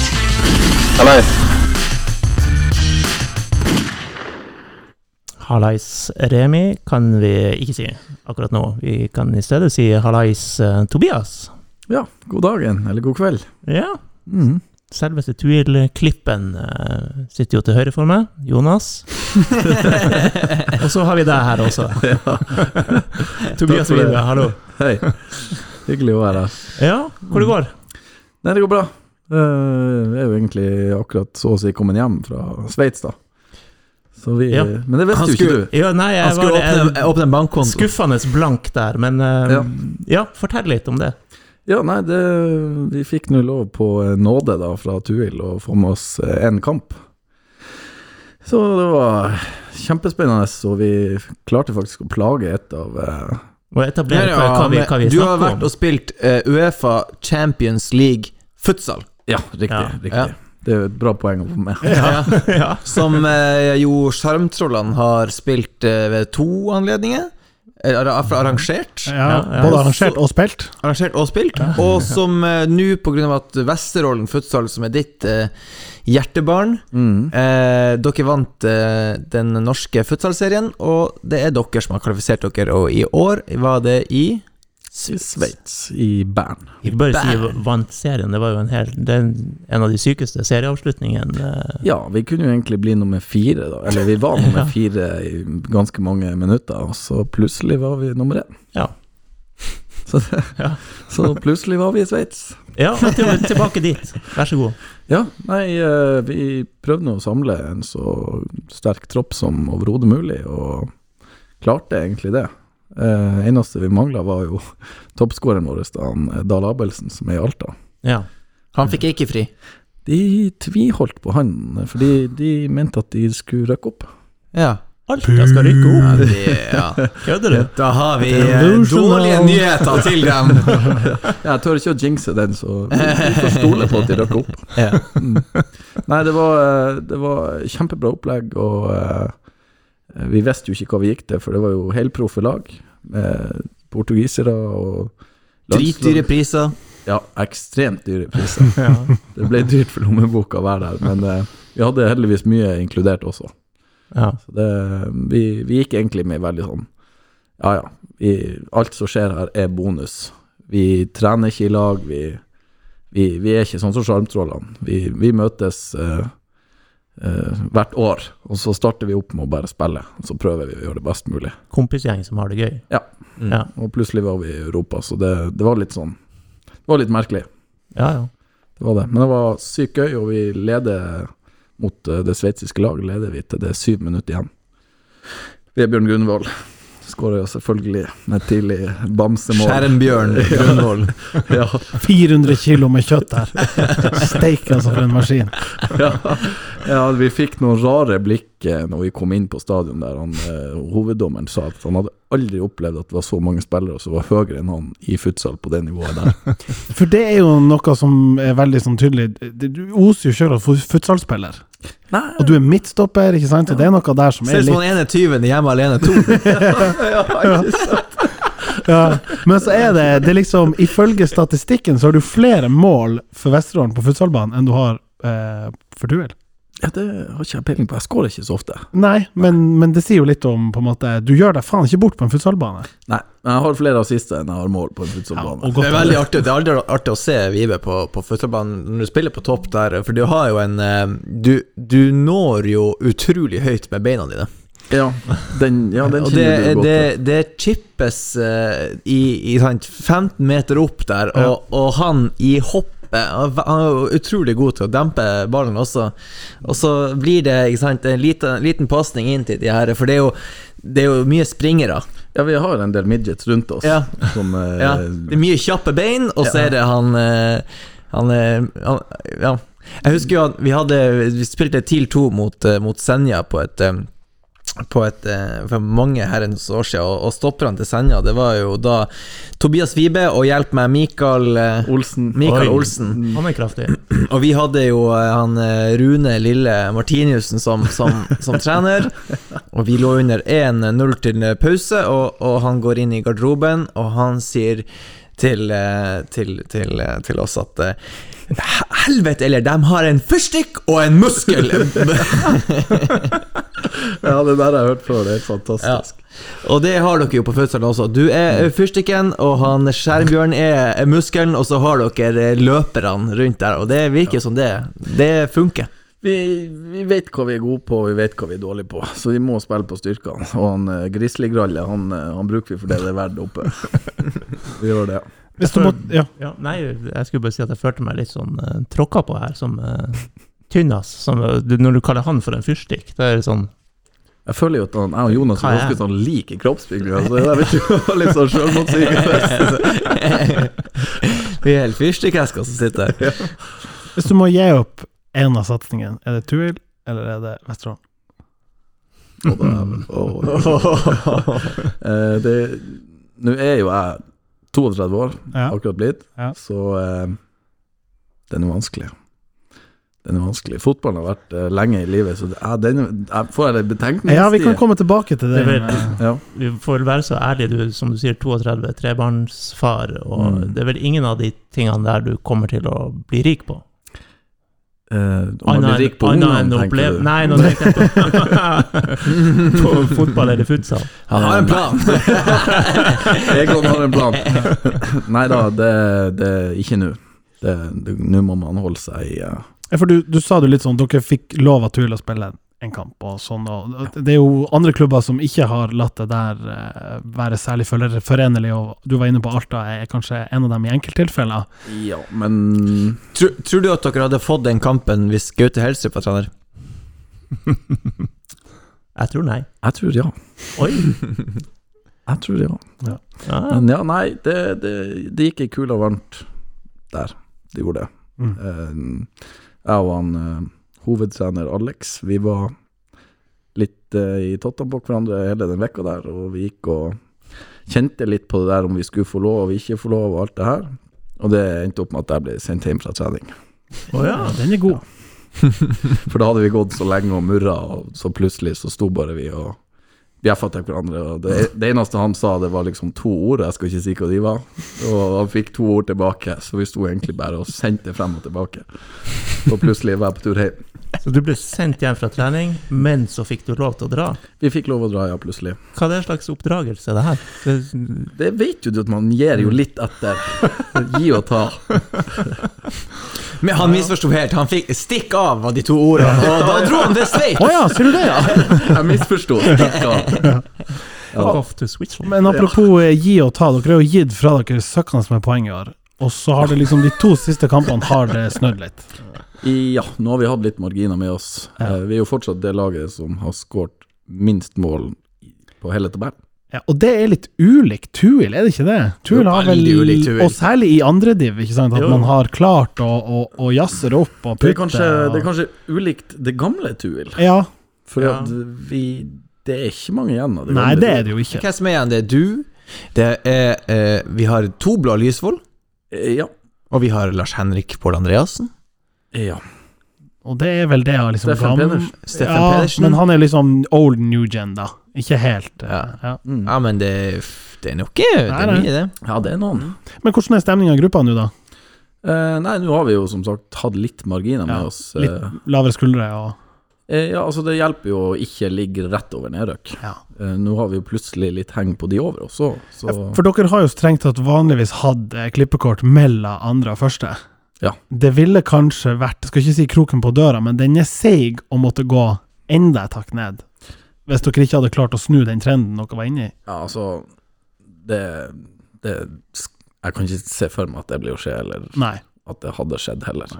Det er jo kvalitet i laget, som du sier fortsatt. Da. Ja, altså Da er det jo bare å mobilisere. Da blir jo hver kamp en krig, og så Ja. må man endre litt. Men eh, ja, nei, vi lå nå der vi lå en periode. Det var syv poeng. Ja. Så Eh, Kan jeg bare nevne, skyte inn eh, Jeg kom bare på noe, så måtte jeg lete opp når det var. Det, det er altså under fire år siden Viking Tuil 2-4 mm. Ja. i første divisjon. Den kampen var ikke du med Nei, på? jeg hadde vel så karantene da, ja. Ja. Det er også vikinglag med, med Ibrahimar, Bytychi, Torstvedt, eh, Slatko Tripic. Kan du si han Bytychi en gang til? Nei. Rett uttalelse? Nei, det kan, nei, det kan jeg ikke. Ja, nei, det, for å si det sånn, det har skjedd ganske mye eh, i klubben siden da. Ja. Både på banen, og ikke minst utenfor banen. Og så advarte vel bl.a. blant annet du før sesongen om at det, det, var, det er mye ungt og spennende i laget, men dermed også mye ferskt, og det kommer til å svinge, og det, det har det vel gjort. Ja. um, Det som er litt artig, er jo at tallene viser jo at vi skaper jo sjanser, og slipper til veldig lite. Men samtidig så er vi ikke gode nok i de avgjørende øyeblikkene. Så det Høres ut som tid. Ja, det er ikke ulikt. Det er ikke ulikt. Nei. Så um, nei da, det, det er mye positivt. Og så er det jo Må man stå i de tunge periodene. Det er ikke noe annet å gjøre. Hvor mange år har du igjen på fotballbanen, hvis vi forskutt ikke tar stilling til det her eh, dilemmaet jeg ga deg i stad? Men, eh, men eh, du er jo en, fortsatt en veltrent mann, og, og ei gruppe som Tuil Eilhusen her gi og ta, og man skal jo liksom være litt gira og sånn. Hva, hva tenker du om de neste årene og sånn, veien videre? Nei, det jeg egentlig har sagt, er at så lenge jeg har gnisten, og så lenge jeg syns det er artig, og at jeg presterer, Mm. så fortsetter jeg. Og status der er Ja. Gnisten var han. Presterer gjør han. ja. Og hva den tredje tingen var? Jeg vet ikke, jeg ta det en gang til. Du Prestere. Han skal prestere. Noe mer artig. Ja. Er, det artig? Han har det artig. Ja. Ja, ja. Nei, det, det, det er ikke noe sånn langsiktig Jeg tar det litt fra år til år. Ja. Så, Kontrakt ut året, sånn teknisk sett. eh, Ja. Teknisk sett, ja. Men nå er du liksom parkert. Det har vært eh, Finland, og det var noe Færøyene inne i bildet her, og litt sånn. Nei, det har vært masse artige tilbud. Både ploppe opp på WhatsApp og alt det. For når du først har vært ute av landet, Mm. da, og du har vært i en toppliga, da skjer det noe med det. Da er det plutselig mye lettere Da inngang. dukker man opp på Transfermarkt. Det er akkurat jeg skulle til å si det. Ja. Ja, men ja, hva, hva er det liksom den, det artigste, nyeste? Det artigste, nyeste som jeg har vært Jeg har ikke et konkret tilbud, da, men det er Saudi-Arabia nivå 2. Ja. Oh, hei sann. Nivå 2! Det er artig! Saudi-Arabia, nivå 2.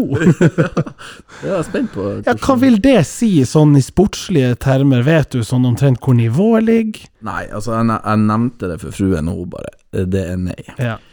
Så vet vi hva Ser vi ut er? som noe nivå to? Sier han som spiller på nivå tre i dag. Er det lov å si at damen kan få ha det siste ordet når det gjelder å flytte til Saudi-Arabia? Ja. Ja, Det er vel kanskje vi, ikke et land som der du er Nei. Nei. Men, men på økonomisida, hva er det vi snakker der? Nei, er langt Vi kom ikke dit. Nei, han Kanskje vi er glad for det? Ja, både òg. Ja. altså, jeg, jeg er jo en eventyrlysten kar, eh, Ja. så hadde jeg vært eh, fri og frank og ikke hadde unger, og sånn her, så, så er ikke jeg redd for å hoppe på første fly. Nei. Men, eh, men det er jeg ikke. Heldigvis.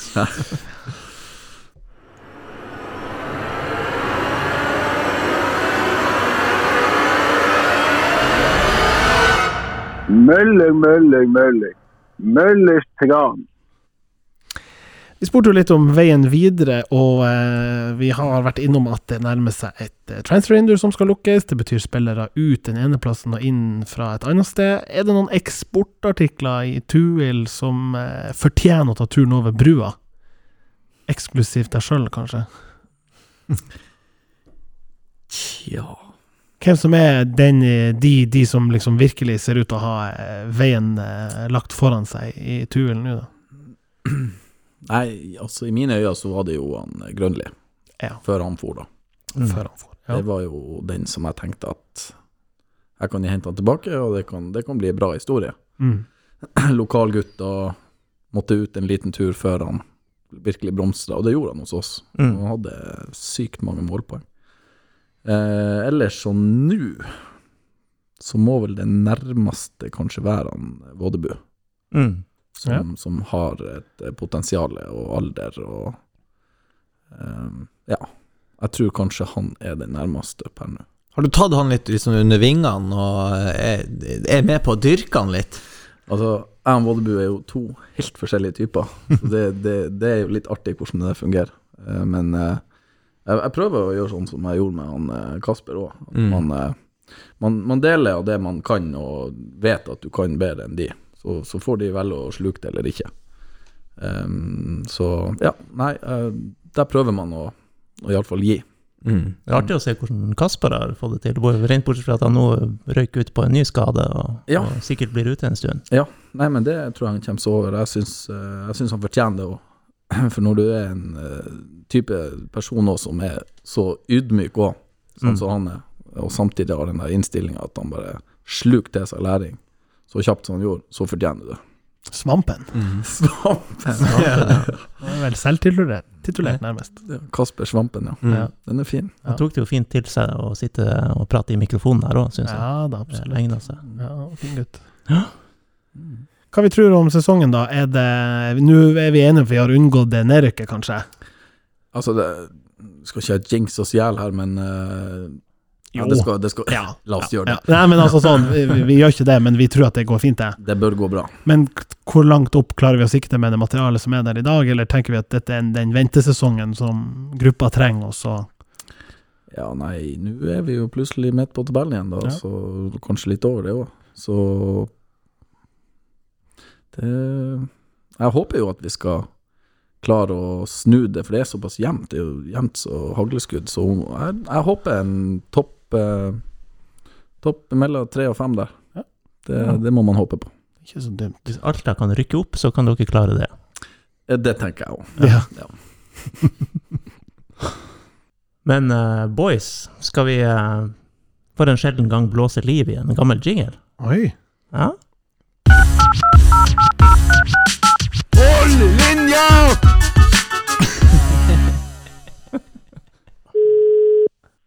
Hallo, hallo. Hallo! Guttan, ole, ole, Hei. ole. Oi, oi. Ja, du, du tas nå opp. Vi får informere deg om det. eh, Lars Petter eh, og Andresen, god dag. God dag, god dag, god kveld, god kveld. God kveld, god kveld. Ja, vi sitter her eh, Ja. i, i snakkende, skravlende stund på en mandag kveld. Eh, det er to dager igjen til det er kamp, og det er to dager igjen til overgangsvinduet stenger. Og så har jeg mast litt Ja. på deg tidligere i dag når det gjelder akkurat eh, det med overgangsvinduet. Har, har noe skjedd siden det, da? Nei, det har ikke skjedd eh, Det har ikke skjedd noe som helst, nei. Men det du har fått rukket å gjøre i mellomtida, har vært ute på Twitter og dementert noen rykter, har du ikke det? Det er korrekt. Det var plutselig noen som mente at Molde skulle kaste noen penger etter oss og prøve å få August dit ditover, men eh, det har ikke jeg hørt et eneste eh, ord eller dekk om, så det kommer nok ikke til å skje, nei. Nei. Så et, bu et bud der er incorrect. Ja. Skal, skal vi ikke bare gjøre det lett, og så sier du hvordan sum dere skal ha for han? Hvis han er interessert? Men den summen blir jo høyere for hver eneste dag som går. Det er det som er så fint. Så lenge, så lenge vi kan utsette det her, jo høyere blir jo den prisen. Altså I går så var det vel fem millioner ekstra, var det ikke? Jo, fort det. Ja, og han spil, spilte under rimelig hard to get for andre klubber sjøl, der han eh, sa at han skulle bli ut sesongen. Ja, ja.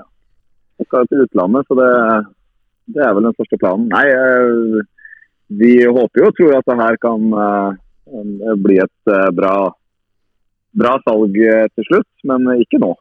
Men er det sånn at eh, status fortsatt er at for at noen skal komme inn dørene på Alfheim, så må noen ut?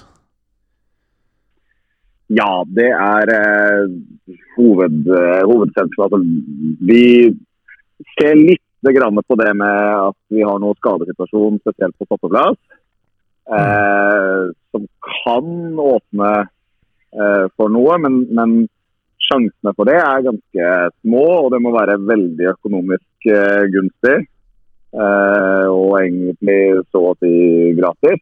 Eh, så det er ikke sånn at det er masse, masse eh, alternativer der ute. Men eh, det, det er liksom det eneste grunnen til at det skulle skje noe. Men skjer det noe ut, noe som jeg ikke tror eh, eh, per nå, så, så vil det selvfølgelig skje noe inn nå. Vi har nettopp hatt Elias Aarflot her på besøk, og han skryter uhemma av hvor god stopper han er. han er det òg, ja. Ja. han, han har bare klart å spille, han. Ja. Og Uansett hvor. ja.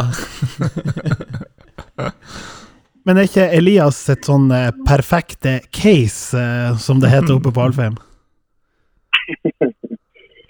Jo, han er jo veldig i riktig profil eh, i det vi søker etter. Eh, ung, en som har eh, framtida foran seg og, og en rå mentalitet eh, for å bli bedre hver eneste dag. Og for de som eh, var ekstra lenge igjen på Alfheim i, i går, og det var kanskje noen av dere journalister, så var det en som sto ute på Alfheim-matta og skøyt på det målet. Jeg nevnte det, jeg, gikk forbi han eh, for å hente regnbuksa mi da han sto der og dunka løs. Ja, i eh, forferdelig vær uh, seint på kvelden en, eh, en søndag. Så det er en eh, gutt som eh, kommer til å gjøre alt han kan for, at, eh, for å lykkes. Og, og det er sånne vi ser etter. Så har han jo ikke noe så bred erfaring eh, ennå, men vi håper jo på en måte at han, han tar store steg hos oss. Sånn som ja, noen av de gutta som eh, leverte til de grader i går kveld, eh, har tatt. da. Sånn Mm. som Warren Kamanzi, Mm. som kommer, kommer gratis. Ikke hadde noe, ikke hadde noe sånn drømmesesong i Obos i fjor. Det var ikke sånn.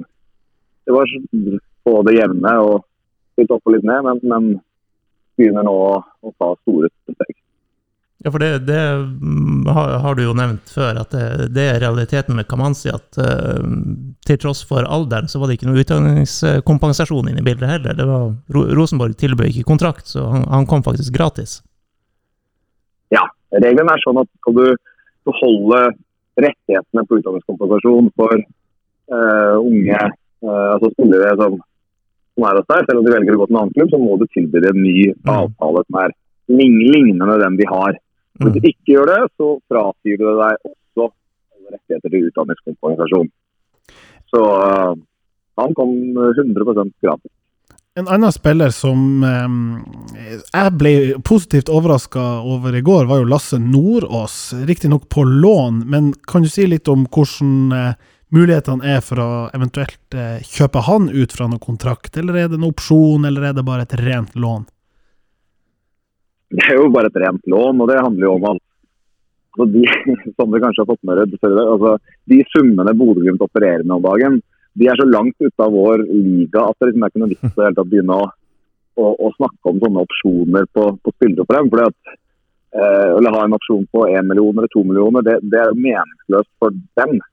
Eh, de har ingenting å vinne på det, derfor får man ikke det. Men vi har jo tro på, og vi har et ønske om at eh, Lasse kan være en spiller som, som i fremtida blir TIL-spiller.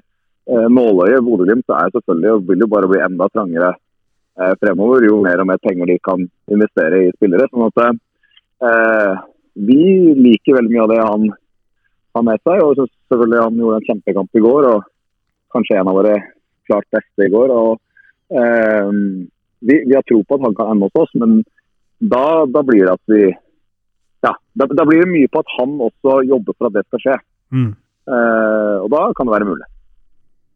Når det gjelder det du sier, Lars Petter, med, med stopperplass, eh, så hadde vi nettopp en, en midtstopper eh, som gjest her, Tobias Wibe, som eh, Altså, jeg vil ikke at du skal hente han, det var ikke det jeg var ute etter. Men eh, han ble spurt av, av oss her hvem som var neste mulige eksport over brua, og da nevnte han en som har eh, vært litt på besøk hos dere, Isak Vådebu. Eh, nå er vel kanskje ikke det verken så gratis som dere ønsker nå, eller eh, en spiller som er så klar som dere ønsker nå. Eh, Så, så det, Det er er kanskje ikke, det er kanskje ikke den dere går for akkurat nå? Nei, eh, vi, vi har eh, diskutert og snakka gjennom både de som er eh, aktuelle i både Alta, Tuil og, og Isak. er selvfølgelig et navn vi diskuterer, men én er jo eh, som du sier, det, det vil jo koste oss noe. og Per i dag så har vi virkelig ikke en eh, til å bruke på det. Og, og eh, det andre er jo at vi, vi skal vi gjøre noe så må vi også føle at det er noen som ja, er, er klar nok til å gå inn og, og, og spille ganske mye med en gang. Da. Så, eh, så ja, jeg tror ikke det blir nå, men Isak han eh, spiller vi følger tett med. Hva syns du var best i helga? Var det rakettnatt, eller var det seieren i går? Begge deler. det var en helt fantastisk eh, Tromsø-helg. Det er jo Tromsø på sitt beste med litt festival og så en helt magisk fotballkamp der TIL vinner på, på søndagen. Så det blir jo ikke bedre enn det. Men føler du vi har eh, snudd ei lita eh, kneik, eller passert en slags kneik nå, og, og klarer vi å ivareta momentet inn mot godset, eller er det noen sånn her eh, oh, bananskall etter en sånn her euforisk opplevelse? Det, det er jo selvfølgelig noen ting her som, som eh, må håndteres. Det er mange som fikk en ordentlig si, utladning etter den kampen sist. Så jeg håper jo på en måte at vi er rå nok til å, til å eh, ja, komme oss gjennom dem og klare til det som skjer på, på onsdagen.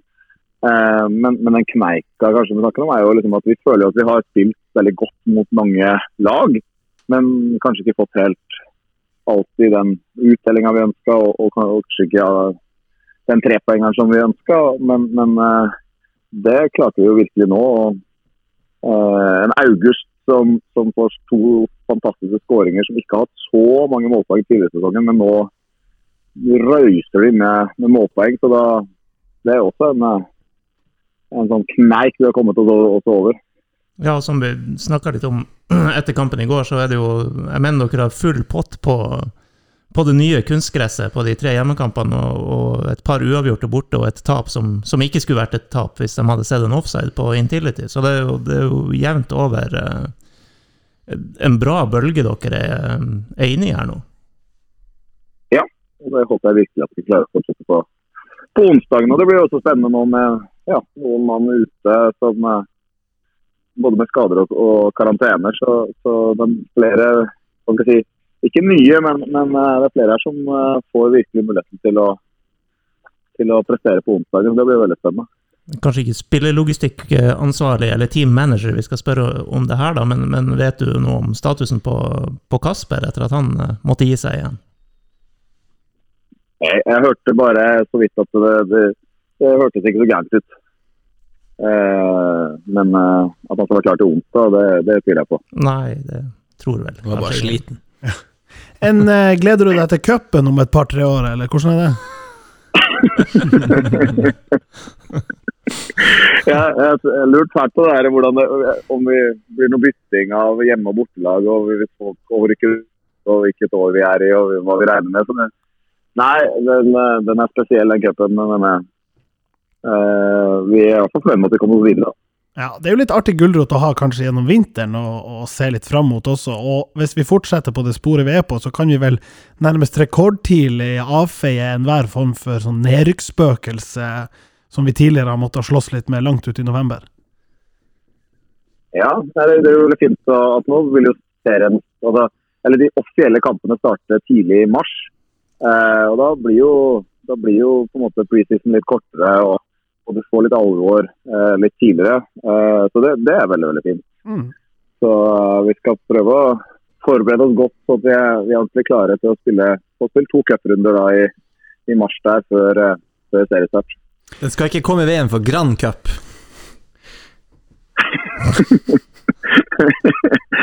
Nei, den skal vi få lagt ut. Den blir bare tidligere og tidligere.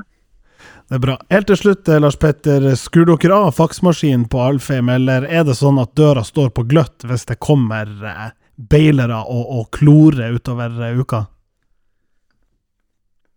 det, det skal jo være ordentlig penger involvert hvis vi skal gjøre noe nå på, på slutten her nå. Det det overrasker overraske meg hvis noen klubber plutselig kommer på noe med, med store penger. og Det vil jo da være sannsynligvis fra utlandet. Så spørs det litt på hvilke spillere. Det har jo vært interesse rundt eh, flere eh, nå. Det er ikke bare August som, som eh, eh, klubber følger med på, men, men eh, eh, ja, men det blir overraskende hvis det, hvis det skjer for mye. Men eh, man vet aldri. Da gjør et tankeeksperiment her. Midtjylland slenger seks millioner på bordet for Niklas Westerlund, og eh, Lars Petter, du svarer Ja, Det må vi i hvert fall vurdere. Ja, for du må jo si hvem du mener er aktuell her, og som har interessenter der ute. Uh, ja, uh, du nevnte én der. Uh, og danske klubber følger jo han tett. Og, og uh, syns han har hatt en interessant utvikling. Så det kan absolutt være uh, en mulighet. Uh, Zakarias Oppdal uh, har det vært uh, bra interesse rundt. Og, og ja. Eh, Men vi føler jo heller ikke at han har nådd ut sitt makspotensial til. Så vi håper at han, han også blir med eh, en stund videre. Jeg jeg name-droppa Eh. noe så vidt om, om Viking her tidligere, men jeg vet ikke om du har lyst til å si noe om det? Nei, det er vel ikke så veldig mye å si om det. For det har ikke vært noe som har vært ordentlig konkret på det. Men eh, det er eh, ja, det er noen åke klubber som uh, syns han er veldig interessant. Mm. Eh, det er vel de som ligger fremst nå. Så er det jo eh, Jeg tror mange syns det er interessant det Warren driver med om dagen. Mm. Eh, med den farta og, den driblekvaliteten han gjør ting med. Så, så ja, det er ikke noe tvil om at folk syns det er interessant. Men Kitolano. Kitolano er vel òg ganske spennende hvis han, hvis han holder seg til å ordne målpoeng den ene veien. ja. Eh, han, han er jo, har jo et imponerende eh, snitt på mål. Og, I år er det vel spesielt mål, men egentlig alle disse sesongene han har vært i, i TIL på målpoeng. Han har involvert utrolig mye mål i forhold til eh, minutter spilt. Så eh, nesten litt overraskende at det ikke har vært flere som følger det. Men ja, det er klubber som er eh, godt interessert i ham også. Da går vi jo en eh, spennende høst i møte, særlig hvis det viser seg at det er ingen som forlater. For dette er jo et lag det er virkelig lett å, å bli glad i. Vi får ønske lykke til framover, Lars Petter. Tusen takk for det. Så gleder vi oss. Jo, tull! Ok, boys. Da har vi vært gjennom uh, vår gjestebonanza både i lokalet og over telefonen. Uh, før vi uh, Går over til neste spalten eh, Revolver.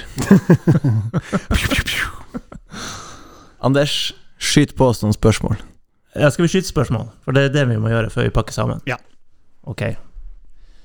Hvor skal vi begynne? Jeg begynner med å stille deg et spørsmål, Martin. Ja. Masteroppgavesmann. ja. Vancouver. Fra Ulf Jonny Jensen. Ulf Jonny. Ja. Ja. Med det fintrimma skjegget han fikk Ja seg på da, ja da. Frisør i nord, var det ikke det? Jo da. Hva skal til for å løse floken oppe på Alfheim? Det ser jo ut som en gordisk knute fra utsida. Så sier han at Øyvind og co. gjør en usedvanlig god jobb, men det er ikke så lett å få pynta brura når det er så store forskjeller i oppfatning av hva som er avtalt, og hva de avtalene betyr i praksis. Det siste gjelder jo kanskje det her eh, enkronersavtalen. helvete, som det heter nå. Ja, eh, Mon og Harrila-helvete, Ja. eller hva man kaller det. Ja. Nei, betimelig spørsmål. Vi var så vidt innom det i stad at eh, økonomi er ganske enkelt. Det er kostnader og inntekter. Kostnadene er kutta til beinet. Og så er det noen inntektsstrømmer som har vist seg vanskelig. Vi, som nevnt tidligere, eh, tippa jo at kanskje det her salget av eh, grusbanen utfor skulle fristille noen midler. Vi har tidligere vært innom situasjonen med, med gammel gjeld, som er et pengesug. Em, og så virker det jo som at man har eh, en fragmentert eh, gjeng med støttespillere som Ja, det har vært snakk om litt sånn ah, passive eiere, investorer. Eh, Øyvind og co. har jo som nevnt uttalt seg om ståa, uten å ville tråkke på tærne til de som har vært involvert, men de vil samtidig trekke til seg nye. Em, og så har de jo, som de måtte gjøre nærmest, uh, fått flere hender på dekk med Viggo og guttene der. Thomas, uh, Thomas Harila. Harila er jo òg inne nå, apropos Harila. Ja. Men, men det er jo noe med man må bruke litt penger for å tjene penger. Og de har vel satt seg som mål om å doble inntektsstrømmen uh, på kommersiell side. Og det er jo ei, ei offensiv holdning i et klima på økonomien, sånn makronivå, med, mer, med inflasjon og strømpriser og det som verre er. For ja, men det er jo litt sånn markedet vi, vi står i, og, og styringsrente opp og hei og hå. Så må vi jo håpe og tro at det er de her øyeblikkene som var på Alfheim i går, som gjør at de rasjonelle vurderingene blir kasta litt over dekk, og så handler man med hjertet. Men Ulf Jonny, hva skal til? Godt spørsmål. Det er svaret. Godt spørsmål. Yes. Det er bra. Skal vi gå videre? Ja. Apropos når du nevnte det her med, med spådommene og Alfheim og grusen og alt det der. En spådom som jeg hadde, er jo nå ding, ding. Ja. Gaute Helstrup utvist. ja, stemmer det. Den er rett inn. Etter å ha sprunget for fort. Ja, noe sånt. Jeg tror det var det. Sprang for fort mot dommeren for å få avklaring på saken. Ja. Den er Det er godt. Kan jeg stille tilbake, da, eh, for å følge opp samme poenget som Ulf John Ja. er inne på, men det er jo Going Kronos som spør er det egentlig lurt at TIL å kommunisere så mye rundt økonomien. Det gir negativ oppmerksomhet og tar energi fra de og, i og rundt klubben? spørsmålstegn. Eller tror de at noen leser Nordlys og kommer galopperende på en hvit hest og redder klubben? Jeg tror avisen skriver om det uansett, eh, om, om, om klubben kommuniserer ut eh, om, om hvordan ståa er. Jeg tenker den saken kommer vel uansett. Eh, og de, og de, eh, de, de profilerer seg jo litt nå på å være en veldig sånn åpen klubb, Mm. virker det som. Ja, ja. For hva er alternativet? Lyge og si at det går bra? Ja, eller bare ingen kommentar, og Nordlys erfarer. Altså, det, Ja, ja. Det er jo en jeg, jeg tror de bare tjener på å, å være så åpne de kan, i hvert fall, rundt det. Så er sikkert ikke alt de kan, kan dele heller. Det er klart, når journalisten sier det, det er litt som pølseselgeren Ja. som sier at vi burde kjøpe litt flere pølser. Apropos pølse, gutta. Tror dere at det er pølsesalget som skal redde økonomien når de nå presser inn 4100 på Alfheim? Men nå vet vi at iallfall halvparten kanskje kjøpte billetter til 120 kroner, eh, brukte promokoden 'seiersrus'. Som de kjører igjen nå mot Ja, og det er det jo Seipajärvi som uh, highlighter her. Ja. Skriver ser de på nytt gir tilbudspris på billetter til hjemmekamp mot Godset. Skal vi ikke bare sette en fastpris på 100 kroner for inngang på Alfheim? Bedre med 4500 på kamp enn snittet på 2200, vel. Og August ut sesongen meldte seg sjøl i går med en pris i desember eventuelt salg. Vi kan ta det første først. Og i en kommentar da fra Jardar Johansen så sier han at det er dumt hvis folk skal venne seg til at kunst er billig. Ja, og det er jo faktisk et gjenvendende problem for TIL og flere andre eliteserieklubber. Eh, det å underby seg sjøl i håp om å trekke til seg folk. Og hvis ikke Rosenborg, kveldskamp, 120 kroner billetten trekker mer enn 4000, da er det liksom Det er kun den Glimt-kampen som kan være i nærheten. Og da håper jeg faktisk ikke at de har verken tilbyr 100 eller 120 kroner billetten. Fordi eh, Nei. Den er vanskelig, men det, jeg tror ikke det er så enkelt at antallet dobler seg hvis du halverer prisen. Nei, jeg Det tror heller ikke er det. mer volatilt enn som så. Sånn at eh, Og så er det det her var Rosenborg. Det, nå, det kommer en liten nedtur her nå på onsdag. Det er onsdagskamp, det er Strømsgodset. ja, Lars Petter sa det, det var ei lita utladning, det der. Ja, Det er en del skader, det er litt suspensjoner. Så du kan gjerne si at alle som var på Rosenborg-kampen, har lyst til å dra tilbake. Ja, selvfølgelig. Og Gaute har annonsert at Strømsgodset også er Det er et tut- og kjørelag, så her blir det sikkert uh, underholdning. Ja, men det eh, er, klinger jo ikke like godt. Nei, det er noe der. skal ikke vi snakke ned produktet, men det er litt sånn å være realitetsorientert. Det har nå i alle år vært sånn at Rosenborg og Bodø-Glimt, Ja. ja. da kommer folk. Ja. Og så er det litt sånn Det var jo litt trist da nesten han eh, Sverre Lennart eh, ropte ut at ja, årsbeste med klar margin. Ja, med klar margin. 4000. Det står en applaus. Ja.